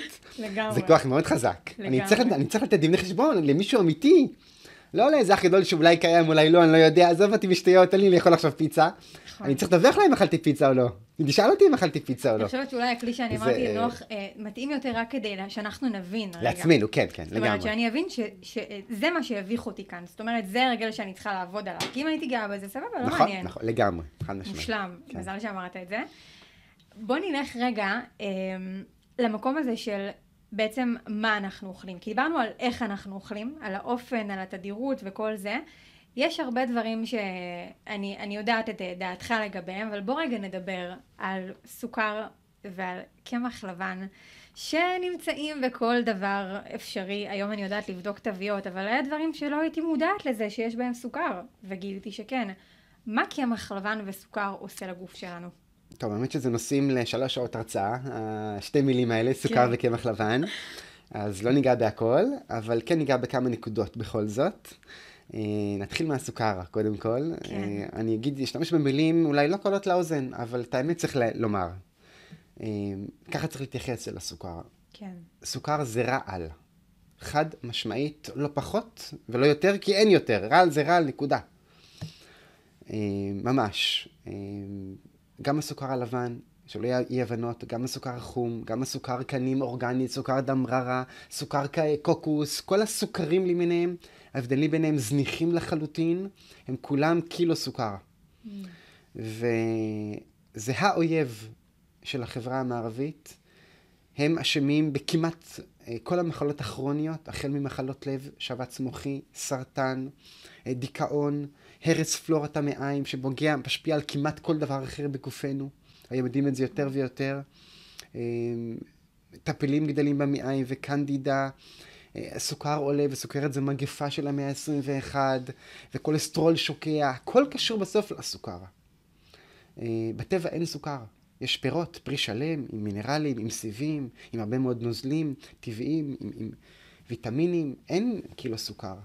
וכל מזון שמכיל סוכר, כל משקה שמכיל סוכר, צריך לקבל החלטה, כדאי לקבל החלטה, זה מחוץ לגוף שלי, לא בבית ספרנו. וואו. לא רוצה שזה ייכנס לגוף שלי. זה רעל תעשייתי שבני אדם ייצרו כדי למכר אותי, שאני אתמכר לזה, שאני אקנה עוד ועוד ועוד, ואני לא אהיה חלק מהמשחק הזה. אני רוצה מתוק, מתוק, הצורך במתוק הוא בריא, הוא טבעי, הוא לגיטימי. יש תמרים, תמרים זה הטופי של הטבע. נכון. תמר עם אגוז מלך בפנים או עם שקד בפנים, ממתק. הפינוק שלי. פינוק. מותר להתפנק עם משהו מתוק, לא סוכר. מי שיעשה לעצמו את הטובה הזאת ויוציא את זה מהחיים בלי משקאות ממותקים. הרבה מאוד אגב מאכלים, סלטים מוכנים. הרבה מאוד סלטים מוכנים, כמעט כולם יש סוכר, אבל אגב, גם בטבע אתה מתארח או מכין בבית סלטים, היום אנשים מחוסר מודעות. מכינים סלט, כל משנה יוצא סלט, וקצת סוכר, שיהיה טיפה יותר טעים למשפחה שמגיעים. ולמה? למה סלט צריך להיות סוכר? הסלט הוא לא הקינוח של הארוחה, לא הוא צריך להיות מתוק. עזבו, תשחררו את הסטיגמה הזאת. זאת אומרת, רציתם טעים, אבל גם הרעלתם אותם. ממש, ממש, זה לעשות. נזק ממש ממש. וואו. ואפשר להכין סלטים מדהימים בלי סלט, אפשר להכין הכל בלי, בלי סוכר, סליחה, להכין סלטים טעימים בלי סוכר, אפשר להכין כל דבר בלי סוכר, אה, ממש להיגמל מזה. בשלב ראשון, אגב, למי שמכין עוגות או עוגיות, אז שלב ראשון להמיר את הסוכרים למיניהם במקורות יותר טבעיים, אם זה הסילן או הדבש. וכן, למשל, כדוגמה. אגב, הם לא אידיאליים, יש לומר, כן? גם לאכול הרבה מאוד סילן לא כדאי.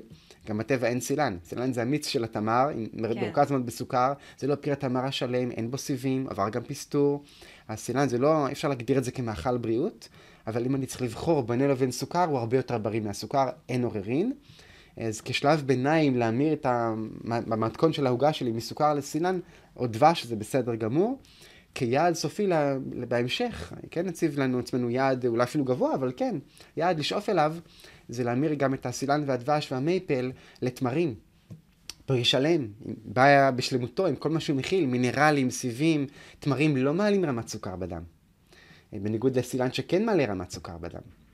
אז, אה, אז זאת השאיפה. Okay. אוקיי. וכשלי בא משהו מתוק אחרי האוכל ובא לי לפעמים, אז לוקח כמה תמרים עם גוזי מלך או עם אה, שקדים, בשבת, אני אגלה כאן סוד, אני קונה שוקולד, לא להיבהל, 100% קקאו, לא 70%, לא 80%, זה 100% קקאו, עכשיו זה מר כמו וואו, הגיהנום. כן, בטח מה. עכשיו, לא אוכלים אותו ככה, אבל בתוך קוביית, בתוך תמר, מוציא, פותח את התמר, מוציא את הגרעין, בודק שאין איזה תולעת שם בפנים, שם את הקובייה של, האגוז, של, של השוקולד 100% קקאו, סוגר, זה, זה, אין, גן עדן. וואו. האמת שאני חושבת שבאמת אחרי שנגמלים מסוכר, התמר הופך להיות הדבר הכי טעים בעולם. כאילו, אתה כל כך צריך נכון, את המתוק, נכון. שכאילו התמר, במרכאות המסכן הזה, הופך להיות כאילו, אימא לזה התאווה שלי היום, אני מחכה ממש, לתמר. ממש, ממש כך, ממש אמרת שאתה אוכל את זה כן. אחרי ארוחה, מעניין אותי. אה, אם אני רוצה, אם אני מרגיש שבא לי קינוח, כן. אבל אתה מצמיד את זה לארוחה. כן, כלומר, כן, כדי שלא יהיה עיכול נוסף. זה חלק מהארוחה, זה חלק, ממש, כן, זה, זה הקינוח של הארוחה. זה לא עוד ארוחה. מעולה, כן. זה ממש בסמוך כן. באותו עיכול כבר כן, כן, כן, הקינוח של הארוחה, כן, לגיטימי. אוקיי, אז כן. אם, אם אני מבינה נכון רגע ואני רוצה להעביר את המסר, בלי סוכר, בלי בכלל, סוכר, ממש. לא לתקופה, לא לנז... ממש, ממש, זה מתנה, מתנה לגוף. תנו, תנו את המתנה הזאת לגוף שלכם. תפנקו אותו בזה מתנה, מה יש? אתה אומר כאילו, תתנסו, תראו מה אתם מקבלים, לא, תתח... לא תחזירו. כן, כן, לגמרי, ממש, כן. וואו, אוקיי. עכשיו זה... גם, אגב, גם פה, הולכים לאיזה בית קפה, למסעדה, יום הולדת, יום נישואים של בן הזה, שרוצים לחגוג איזשהו משהו, קונים איזה את הקינוח של המסעדה, בטוח שיש שם סוכר, אוקיי, אז למסעדה לא הולכים כל יומיים, אז פעם בחודש, חודשיים, נותנים לזה בית קפה, מתפרקים עם קינוח שם, בסדר. לא יקרה כלום, הגוף יתמודד. כל את זה באמת פעם ב... מותר לי להתפנק בהם ולתת להם איזשהו קינוח שחיתות מדי פעם. אני אוהבת את הגישה הזאת שאתה בעצם אומר שכמו בכל דבר, גם אמרת את זה לגבי השינה, לגבי האוכל לפני השינה, אם זה משהו שאני עושה פעם ב, זה לא יפגע בי. לא יפגע בכלל, חד משמעית. זאת אומרת, אני לא צריכה להרגיש אותי מצפון על נכון, זה. נכון.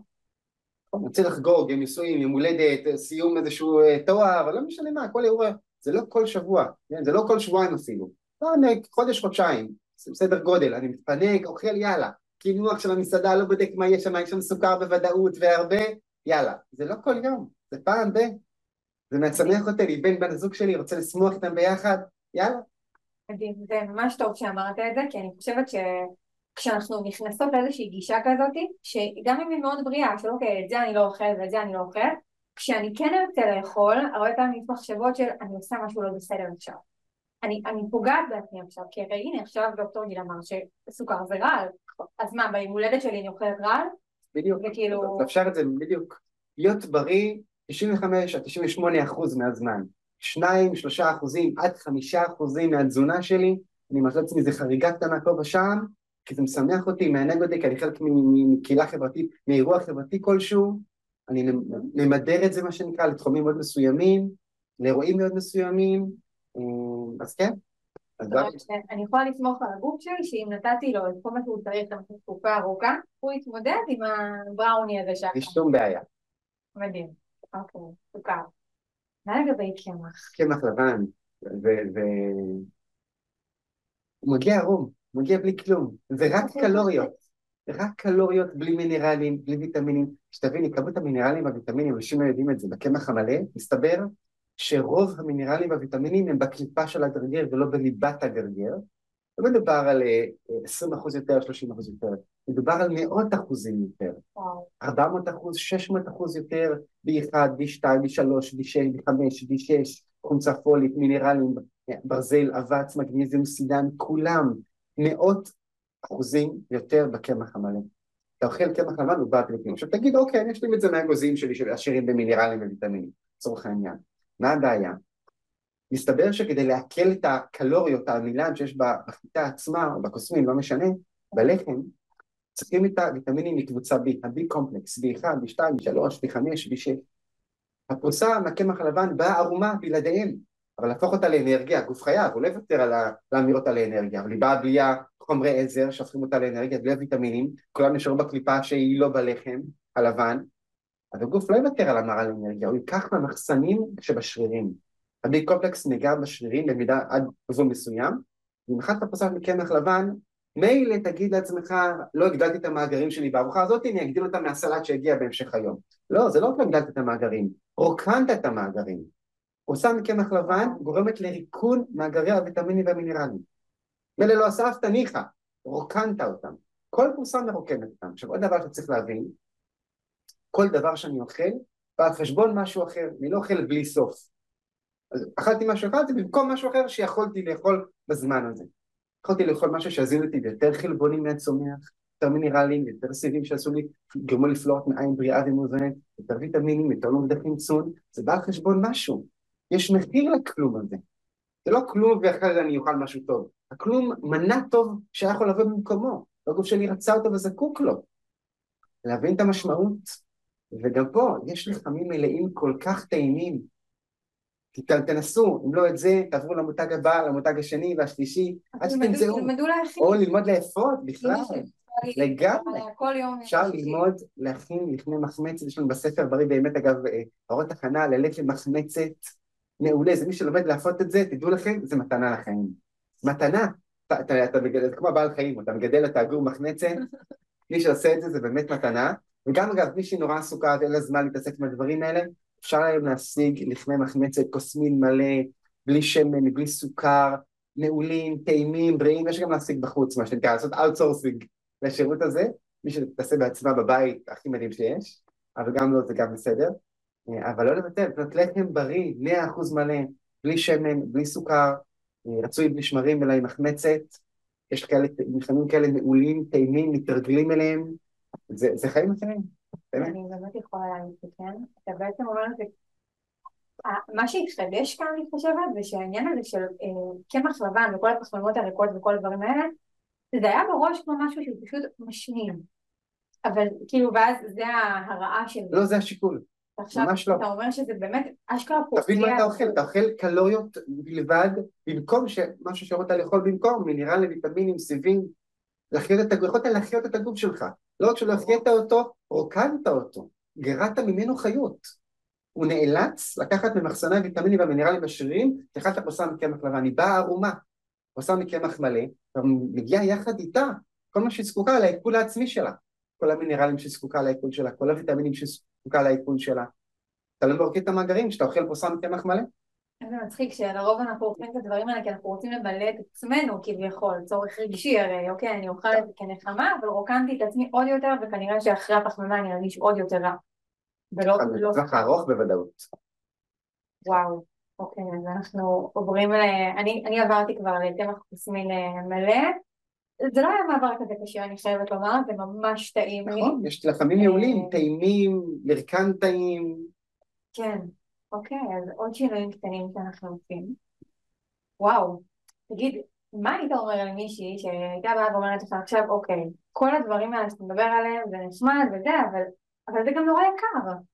לעבור עכשיו למזון שהוא יותר, אה, יותר איכותי, אה, שלא נדבר על לפעמים אה, אורגני או דברים כאלה, זה הרבה יותר יקר מסופר. אם אני עכשיו הולכת לשם קוד ניצת הדובדבן או משהו כזה, אז מן הסתם הדברים שהם הרבה יותר יקרים ממה שאני יכולה לקנות בסופר. אז יש לי כמה תשובות לשאלה הזאת, שאלה טובה. תשובה ראשונה, אני מה שנקרא מודה באשמה במרכאות. נכון, לחיות בריא זה יקר, אבל להיות חולה זה הרבה יותר יקר. חזק. קודם כל. זו תשובה אחת, מזווית אחת. אה, תשובה שנייה, ברגע שאתה עובר לאכול אוכל בריא, שהוא אוכל סך הכל, אתה קונה חומרי גלם, אתה קונה הביתה פירות, ירקות, אגוזים שקדים, קטניות, קמחים מלאים, אתה לא קונה את האוכל התעשייתי שגם הוא אגב לא כזה זול.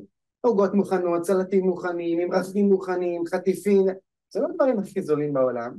ואולי אתה גם מוריד את כמות הבשר שאתה אוכל, לא צריך בהכרח להפסיק, אבל אתה מוריד את כמות הבשר ומוצר החלב שאתה אוכל, גם הם לא זולים כל כך. מחאת הקוטג' המפורסמת לא מזמן, וכן הלאה, המחירים עולים, ו... אז אתה מוותר על דברים מסוימים שעולים כסף, וממיר את זה בדברים אחרים שעולים כסף, לא בהכרח יוצא יותר יקר, קודם כל. וכמו שאמרתי, גם אם כן, להיות חולה זה הרבה יותר יקר. וגם בכלל בחיים, הרי כל דבר, אם הוא יקר או זול, תלוי מה קיבלת בתמורה. כן, עשרים אלף שקל זה זול או יקר? תלוי מה קיבלתי בתמורה, אם קיבלתי בתמורה לזה מרצדס זה חצי חינם, קיבלתי קורקינט זה כנראה מאוד יקר. שאלה מה קיבלתי בתמורה? קיבלתי בתמורה ל- ליקר אוכל אמיתי, בריא, שמזין אותי, אולי זה זול, נאמר שזה יקר, היקר זה זול, זה תלוי מה קיבלת בתמורה. ונקודה רביעית, זה הכל עניין של סדר עדיפויות בחיים. הרבה מאוד פעמים אנשים שאומרים, נורא יקר לחיות בריא, יקר להם לקנות לחם מלא או קוסמין מלא, מחמצת כי הוא עולה פי שתיים מלחם לבן או פי שלוש מלחם אחיד, המסובסד וכן הלאה. אבל לנסוע לטורקיה לחופשה באלפי שקלים לכל חופשה, עם זה אין להם בעיה. או בגד ב-400-500 שקל לבגד או לחצאית השמלה, אין בעיה. זה כבר לא יקר, זה בסדר. אז זה כל שאלה של סדרי עדיפויות. אם אדם יבין שבסוף כל יום פה זה מתנה, וכל יום שהוא מזין את הגוף שלו עם הדלק הטוב ביותר, הוא מרוויח עוד יום חיים, מרוויח עוד חיות, עוד אנרגיה, עוד ריכוז, עוד כוח לפעול כאן בעולם, לעשות טוב בעולם, להביא אור לעולם. אין מתנה גדולה מזאת, הוא הבין שמה שהוא משקיע בערכות, אפילו האורגנים העיקריים יותר, שווה כל שקל. יש נגיד אה, סוגים של דברים שהיית כן ממליץ אם מישהי סתם צריכה לבחור במה להשקיע באוכל יותר איכותי או יותר אורגני יש דברים שהיית אומר אה, זה בסדר תקני רגיל אבל בזה אל תתפשרי? מבחינת אורגני או בכלל את שואלת? אה, מבחינת אורגני. אורגני. זאת שאלה מאתגרת. האידיאל כמובן כמה שיותר שהכל יהיה אורגני, זה האידיאל. לא תמיד זה מעשי, יש דברים אורגניים מאוד יקרים באמת. הייתי מתחיל קודם כל מהירקות שאותם אנחנו אוכלים עם קליפתם, המלפפון, העגבניה, הגמבה, שהם יהיו אורגניים. מה שאני מקלף, אם אין לי תקציב שגם הוא יהיה אורגני, פה הייתי מאפשר להקל אם יש מגבלה תקציבית. תפוח אדמה אני מקלף, בטטה אני מקלף, גזר אני מקלף, קישור אני מקלף. מה שאני מקלף ואין לי כסף לאורגני, אני קונה לא אורגני ומקלף. הקילוף, אני נפטר מחלק מחומרי ההדברה שיש על הדבר הזה, אגב לא מכולם, חלקם גם חודרים פנימה, גם דרך מההשקיה. אבל אם יש מגבלת תקציב, אז הייתי מתחיל מה שאני אוכל בשלמותו, עם קליפתו, כעדיפות ראשונה. אה, פירות, אם אני מקלף, פירות שאני מקלף את הטיפה שלהם, אה, בננה, אה, אשכולי, תפוז, יותר אני מקל. תפוחים הייתי מעדיף אורגני, אני אוכל אותם עם הקליפה בדרך כלל. אז זה ככה קריטריון, כלל אצבע, מה שנקרא, אם אני צריך לבחור מה אני משקיע באורגני ומה אני, אני משקיע בלא אורגני. גם כשבחרתי שלא יהיה אורגני, כי יש לי מגבלת תקציב הגיוני, או בין אוכל במגבלת תקציב כזה או אחרת, אז להקפיד על שטיפה יסודית, להשרות את זה עם חומץ שמסיר חלק מחומרי ההדברה, שטיפה טובה, וכן, זה, החיים, אין מושלם.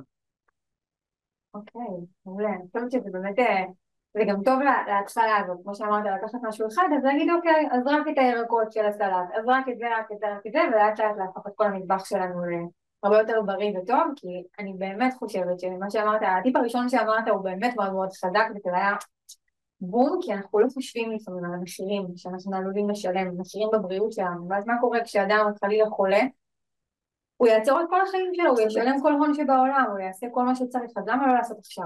נכון. ניתן עוד טיפ אחד חשוב, איך מצליחים באורח חיים בריא. כן. זה טיפ שגם הוא מגיע אגב מעולם האימון שאת מחוברת אליו, והטיפ הזה נקרא אה, לצבור ניצחונות. אפילו הייתי מגדיר את זה יוצא יותר חזקה, להתחיל את היום עם ניצחון. כשאתה מתחיל את היום עם ניצחון על ההתחלה, יש לך אנרגיה לכל היום. ניצחון גורר ניצחון, ועוד הצלחה גוררת עוד הצלחה. אם מתחיל בכישלון, לרוב זה גם מביא לעוד כישלון, חלילה. בלשון חז"ל, מצווה גוררת מצווה, עבירה גוררת עבירה. אז נורא חשוב לחיים בריאים להתחיל את היום עם ניצחון. לדוגמה, איך שקמתי בבוקר, ולפני כל דבר אחר, התחיל את היום בלי לעשות משהו טוב לגוף שלי. מתיחות, תרגילי, אפילו כמה דקות, לא אמרתי חצי שעה או שעה של אימון, כי אין זמן, עסוקים, ילדים אה, וכולו. שתי דקות, אתה יכול להגיד לעצמך שתי דקות על הבוקר? חייב, לא לוותר. מתיחות, כמה תרגילי כוח, לרדת למטה, להיות מחובר לקרקע כמו שהצעת קודם, אה, להכין לעצמי איזה, איזה שתי גברים, אני רוצה לצורך הדוגמה, אה, לעשות עמידת נר, נשימות צרפתיות בדקה שתיים, להתחיל את היום ברגיעה ושלווה, לא משנה מה, להתחיל את היום במתנה לגוף שלי. ולסמן וי, היום התחיל בניצחון. לא נכנעתי לסטרס, לדיידלנים, ל-to-do list שאני צריך לעשות היום, להספקים שאני חייב להספיק היום.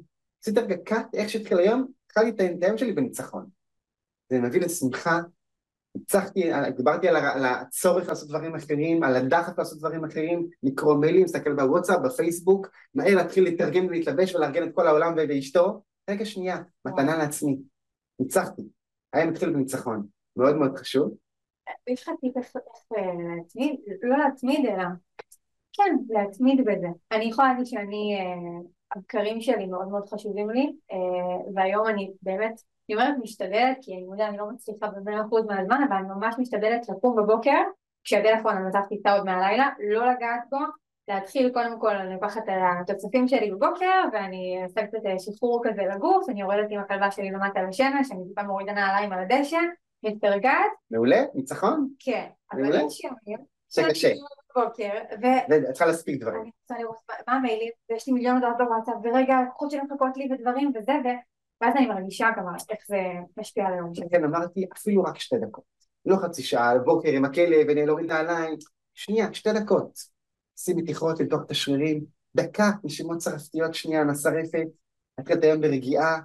לא צריך שזה יהיה הרבה זמן, הניצחון הזה. אבל שיהיה את האירוע של הניצחון, בדיוק. שיהיה את הדקה שתיים שעשיתי משהו שהוא רק למען עצמי. רק. נורא חשוב, ואני אגיד גם עוד משהו כהקדמה לאותו דקה שתיים של ניצחון שאיתם אני מתחיל את היום, משהו אפילו קודם לזה, ממש ברגע ההתעוררות. כן. זה לא פטנט שלי, פטנט של הקדוש ברוך הוא, של בורא עולם, שהנחה אותנו אה, להתחיל את היום עם המשפט הזה, יהודי קם בבוקר ואיכשהו קולט שהוא ער, אז הוא מתיישב אה, מהמיטה ואומר את המשפט, אה, מודה אני לפניך מלך חי וקיים, שעזרת בנשמתי בחמלה רבה אמונתך. עכשיו המשפט הזה רגע, אם נתבונן בו, הוא משפט מדהים בעוצמתו. אני קודם כל מתחיל את היום שלי בהודיה, מודה אני לפניך, אני מודה לקדוש ברוך הוא, לבורא עולם, תודה שאני פה לעוד יום. וואו, זה לא מובן מאליו. לכו לבית הקברות, יש כאלה שאין להם את היום הזה. אני פה לעוד יום, זה לא מובן מאליו. וזכיתי לעוד מתנה עצומה של עוד יום ללמוד, לצמוח, לגדול, להתפתח, להכיר את עצמי, להכיר את העולם, להעניק לאהוב, איזה כיף, עוד יום עם אין סוף אפשרויות, ביום הזה. אז א' מודה אני, להגיד תודה. והרמב"ם כותב, הודיה, מי שמודה באמת, לא רק אומר תודה, אסמן וי, מי שנמצא בתנועת נפש של הודיה, באמת, וואו, תודה, הוא באמת, באמת מוקיר תודה, באמת מעריך את זה, שהוא, מה שהוא קיבל, זה לא מובן מאליו. מי שנמצא בתנועת נפש של הודיה, מגיע לשמחה. זה אחד הכלים הכי עוצמתיים להיות בשמחה. אם אתה באמת מודה, ילד שקיבל מתנה, שהוא לא ציפה לזה, פליימוביל שהוא לא ציפה, אחרי לא חלם עליו, אתה רואה את החיוך שלו, הוא כולו בהודיה, בהכרת תודה, הוא שמח. אם נהיה בכזו הכרת תודה כל בוקר, וואו, קיבלתי עוד יום. כמה זה לא טריוויאלי, כמה לא כולם זוכים לזה. ואני באמת בתנועת נפש כזאתי, אני מתחיל לתאר בשמחה, כבר. ולא כולם שמים לב, גם מי שאומר את זה על אוטומט כל יום, המשפט הזה בעצם שני משפטים. זה מודה אני לפניך, מלך חי וקיים, שהחזרת בנשמתי בחמלה רבה, מודה לך שהחזרת את הנשמה שלי שיש לך חיי נצח, חזרה בחמלה החזרת אותה אל הגוף שלי, בלי סבל וכאבים, ואני פה לעוד יום, א' תודה, רק פה גודלים, רק פה צומחים, למעלה בעולם הבא, כבר אין התפתחות, אין צמיחה, אין גדילה. אבל אומרים את זה לא פעם, באותה נשימה רבה אמונתך, אתה המשך המשפט. זה לא המשך המשפט, זה משפט חדש. מה זה רבה אמונתך? למי אני אומר את זה? לקדוש ברוך הוא, רבה אמונתך? אני אומר לו שלא יש אמונה רבה? אם כבר אני מאמין בו, מה, הוא, לא, במה הוא מאמין? בעצמו? מה, מה זה רבה אמונתך? לך יש אמונה רבה. מה זאת אומרת? מה זה המשפט הזה? אומרים חז"ל, אני אומר לקדוש ברוך הוא, רבה אמונתך, יש לך אמונה רבה בי. אם נתת לי פה עוד יום אם אני חי, זה מה שאתה מאמין בי. שהיום אני יכול לתקן את עצמי, להתגבר על התאוות שלי, להצליח לעמוד בניסיונות שיגיעו לפתחי היום. אתה סומך עליי, אתה מאמין בי.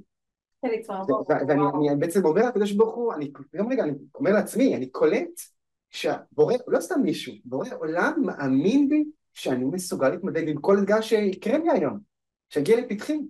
זה משפט ידוע, אומרים שכל ילד זקוק למבוגר אחד שיאמין בו. זה לא רק כל ילד, זה גם כל מבוגר. ופה אני, אני פתאום קולט כל בוקר, לא סתם מבוגר, המבוגר, בורא עולם, המנהל של העולם, הוא מאמין בי שאני מסוגל להצליח, לעמוד בניסיונות, להיות בשמחה, להיות רגוע, לא לכעוס. הוא מאמין לי, אחרת, אחרת, אחרת לא הייתי פה. אם אולי האימא מתייאש ממני, לא הייתי פה יותר, הייתי, הייתי למעלה, הייתי נשאר למעלה. אם אני פה זה כי הוא מאמין בי. וואו, בורא עולם מאמין בי. איזה כיף להתחיל ככה את היום. מישהו מאמין בי שאני מסוגל. ואז כאילו אני אומרת, אם הוא מאמין בי, מי אני שאני לא מאמין בעצמי? הוא יודע הכל, הוא יודע מי אני, והוא אומר לי שאני יכול להצליח, הוא מאמין לי, אז אני יכול להצליח. חד משמעית. ואחרי זה עוברים לדקה של הניצחון. בטיחות, אה, צמיחה, לא, נשימות, לא משנה מה, משהו מתנה לעצמי של דקה, אפילו דקה. יש לך עשר דקות, אדרבה, עשר דקות. אם אין לך, תן לעצמך דקה. זה משהו שאני עכשיו לוקחת על עצמי, והנה דיברנו על להתחייב. אני הולכת להתחייב. לכולם. לכולם, לכל הצופות כאן. אה, וואו, זה ממש עשיתי את צמרמורת, זה ממש ריגש אותי. אני באה מבית מסורתי, פעם הייתי, אתה יודע, מברכת על דברים וכזה בקטנה, היום אני מודה שפחות, אבל משהו במה שאמרת הרגיש לי מאוד מאוד נכון, לכן אני לוקחת את זה אליי לעשות את זה כל בוקר, והרגשתי כבר עכשיו, כאילו, איך זה ממלא אותי ב... אוי, הוא מאמין בי, אני אוטומטית מתמלאת בכוחות, כאילו הזריקו לי איזה משהו, זה עשה לי משהו עכשיו, אז אני ממש לוקחת את זה, ואני ממש מזמינה גם כל אחת לבדוק גם מה הדבר הזה, שאולי היא שכחה ממנו, שנותן לה כוח, אה, אמונה זה באמת, לא סתם אמרת גם שחלק מהמחקר הזה על האנשים הבריאים בעולם, מצאו שם גם אמונה. אז האמונה הזאת היא מאוד מחזקת כי, כי אני לא לבד, כי יש משהו גדול יותר שמאמין בי ומנחה אותי. אז אה, רגע לפני שאני אתקדם קצת אה, לקראת סיום, הייתי רוצה שניתן כמה מילים על סטרס. כמעט כל הדברים שדיברנו עליהם כן יכולים להוביל להורדת סטרס באופן ישיר או עקיף, אבל אני יכולה לומר שמהחוויה שלי בכל אופן, אה, גם כעצמאית וכבחורה צעירה שבאמת עושה המון המון המון דברים ורוב הבנות שאני מכירה הן כאלה, העולם שלנו מלא בסטרס. חד משמעית. להספיק, לרצות, אה, לשמור על התדמית שלך, לשמור על קשר עם האהובים שלך, לדאוג לכל הדברים שדיברנו עליהם עד היום ולשנות הרגלים. המון סטרס. לא צריך לעשות, כולם מבינים את זה. כולם חווים את זה. אני מסיימת היום ואני אומרת, אימא, אני. איזה מזל שיש את השינה. שקט, אל תדברו איתי עכשיו. איך לדעתך אפשר להתמודד עם סטרס? אה, כי אורח חיים, שוב, לא רק לתקופה קטנה של סטרס. לגמרי, לגמרי. הוא באמת אתגר, הוא באמת אה, אחד האויבים של כולנו, והוא לא נח לרגע, מה שנקרא, הוא תמיד מגיע, וצריכים כלים להתמודד איתו. אז יש כלים גופניים להתמודד עם סטרס, שדרך הגוף ישפיעו על הורדת רמת הסטרס, יש כלים תודעתיים, רגשיים, נפשיים. קודם כל, כלי גופני להורדת סטרס זה פעילות גופנית. וגם בזמנים לחוצים אסור לוותר על זה. עכשיו, הבשורה הטובה, אנשים ישר אומרים, אבל אין לי זמן. כן. הבשורה הטובה, שלא צריך הרבה זמן. המחקרים מראים, גם אם אתה עושה ספורט, פעילות גופנית, גם אם זה רק חמש דקות, אין לך שעה. יש מלא דברים להספיק היום. אין שעה, לא, גם לא יהיה שעה. חמש דקות. אתה גר בבניין עם עשר קומות, רב קומות, או המשרד שלך בבניין רב קומות, תעלי עשר קומות במדרגות, תעלי עשר קומות, תרדי במעלית, תעלי עוד פעם עשר קומות, ככה פעמיים, אולי שלוש פעמים, לוקח כמה דקות כל הסיפור הזה, וואו, משחרר, גורם להרגעה, מפיג מתחים, אה, קריצה דלגית, דקה שתיים בבוקר, לא בבוקר, לא משנה מתי, לא צריך הרבה זמן בשביל זה. אז כמה דקות, אה, יוצאים מהבית, קמים, אה, נעלי ספורט, שנייה יוצאים מהבית, חמש דקות, ריצה, לא, חמש דקות חזור, עשר דקות כל הסיפור, לא צריך שעה או שעתיים. אז כמה דקות כאלה עם כל יום, או כמעט כל יום, או יום כן, יום לא, אסור לוותר על זה.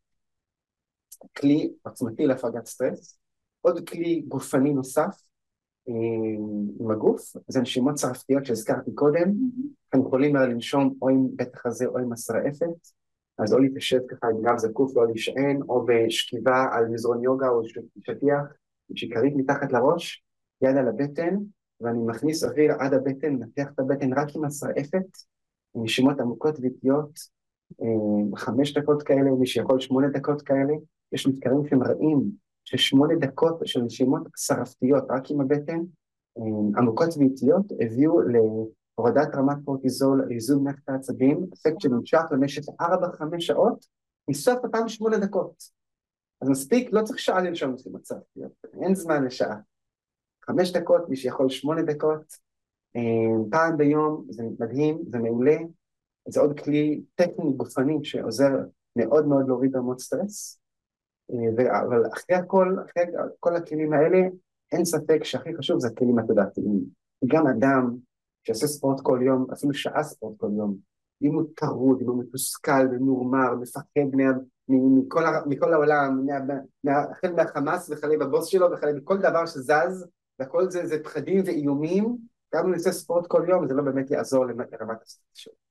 אז לפני הכל, מעבר לכלים הגופניים שמסייעים מאוד, שינוי הדפוס התודעתי שלי, שינוי דפוסי החשיבה שלי, אה, לזכור שיש מישהו שמנהל את העולם, אה, ואין מה לפחד משום דבר.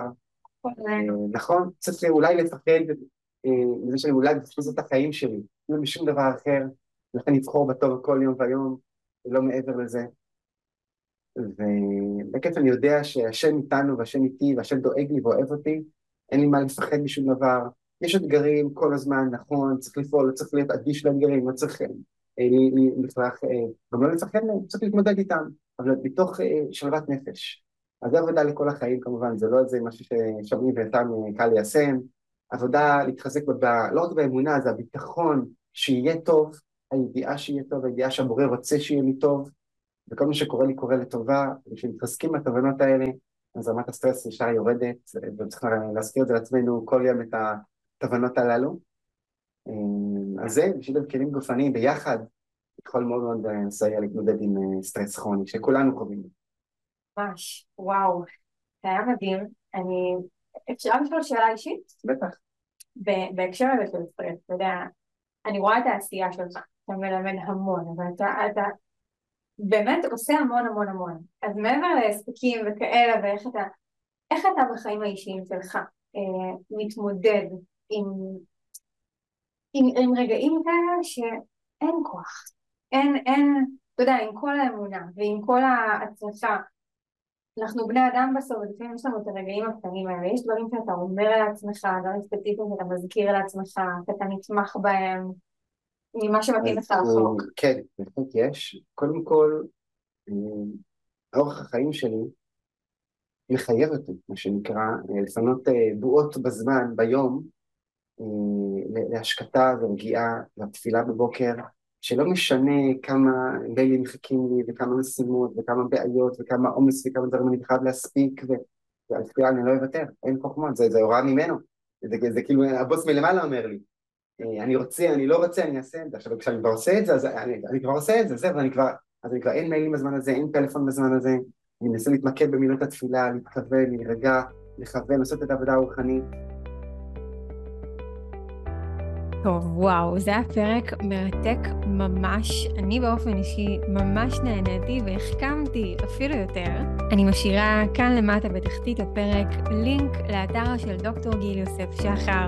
תוכלי להיכנס ולהתרשם מכל הידע והמאמרים שיש שם, מתוכניות הליווי שלו, מהלימודים שהוא מציע ועוד המון המון המון דברים. כולי תקווה שתהפכי את החיים שלך ליותר בריאים בגוף ובנפש, ואם לקחת מכאן אפילו דבר אחד שאת חושבת שיכול להועיל למישהי נוספת, בבקשה תשלחי לה את הפרק הזה, ויחד נוכל להפיץ כמה שיותר טוב בעולם. ואם את מתחברת לתכנים שאני מעניקה לך כאן בפודקאסט הזה, הכי אשמח בעולם שתדרגי את הפודקאסט שלי באפליקציה חמישה כוכבים. זה לוקח בדיוק שתי שניות וממש ממש עוזר לי להבין שאת מעריכה ואוהבת את התוכן הזה ולייצר עבורך אפילו יותר ממנו. אז תודה רבה רבה רבה שהיית כאן, שמחתי מאוד, ואנחנו נתראה כמו בכל יום שלישי בפרק הבא. עד אז, נשיקות ובהצלחה.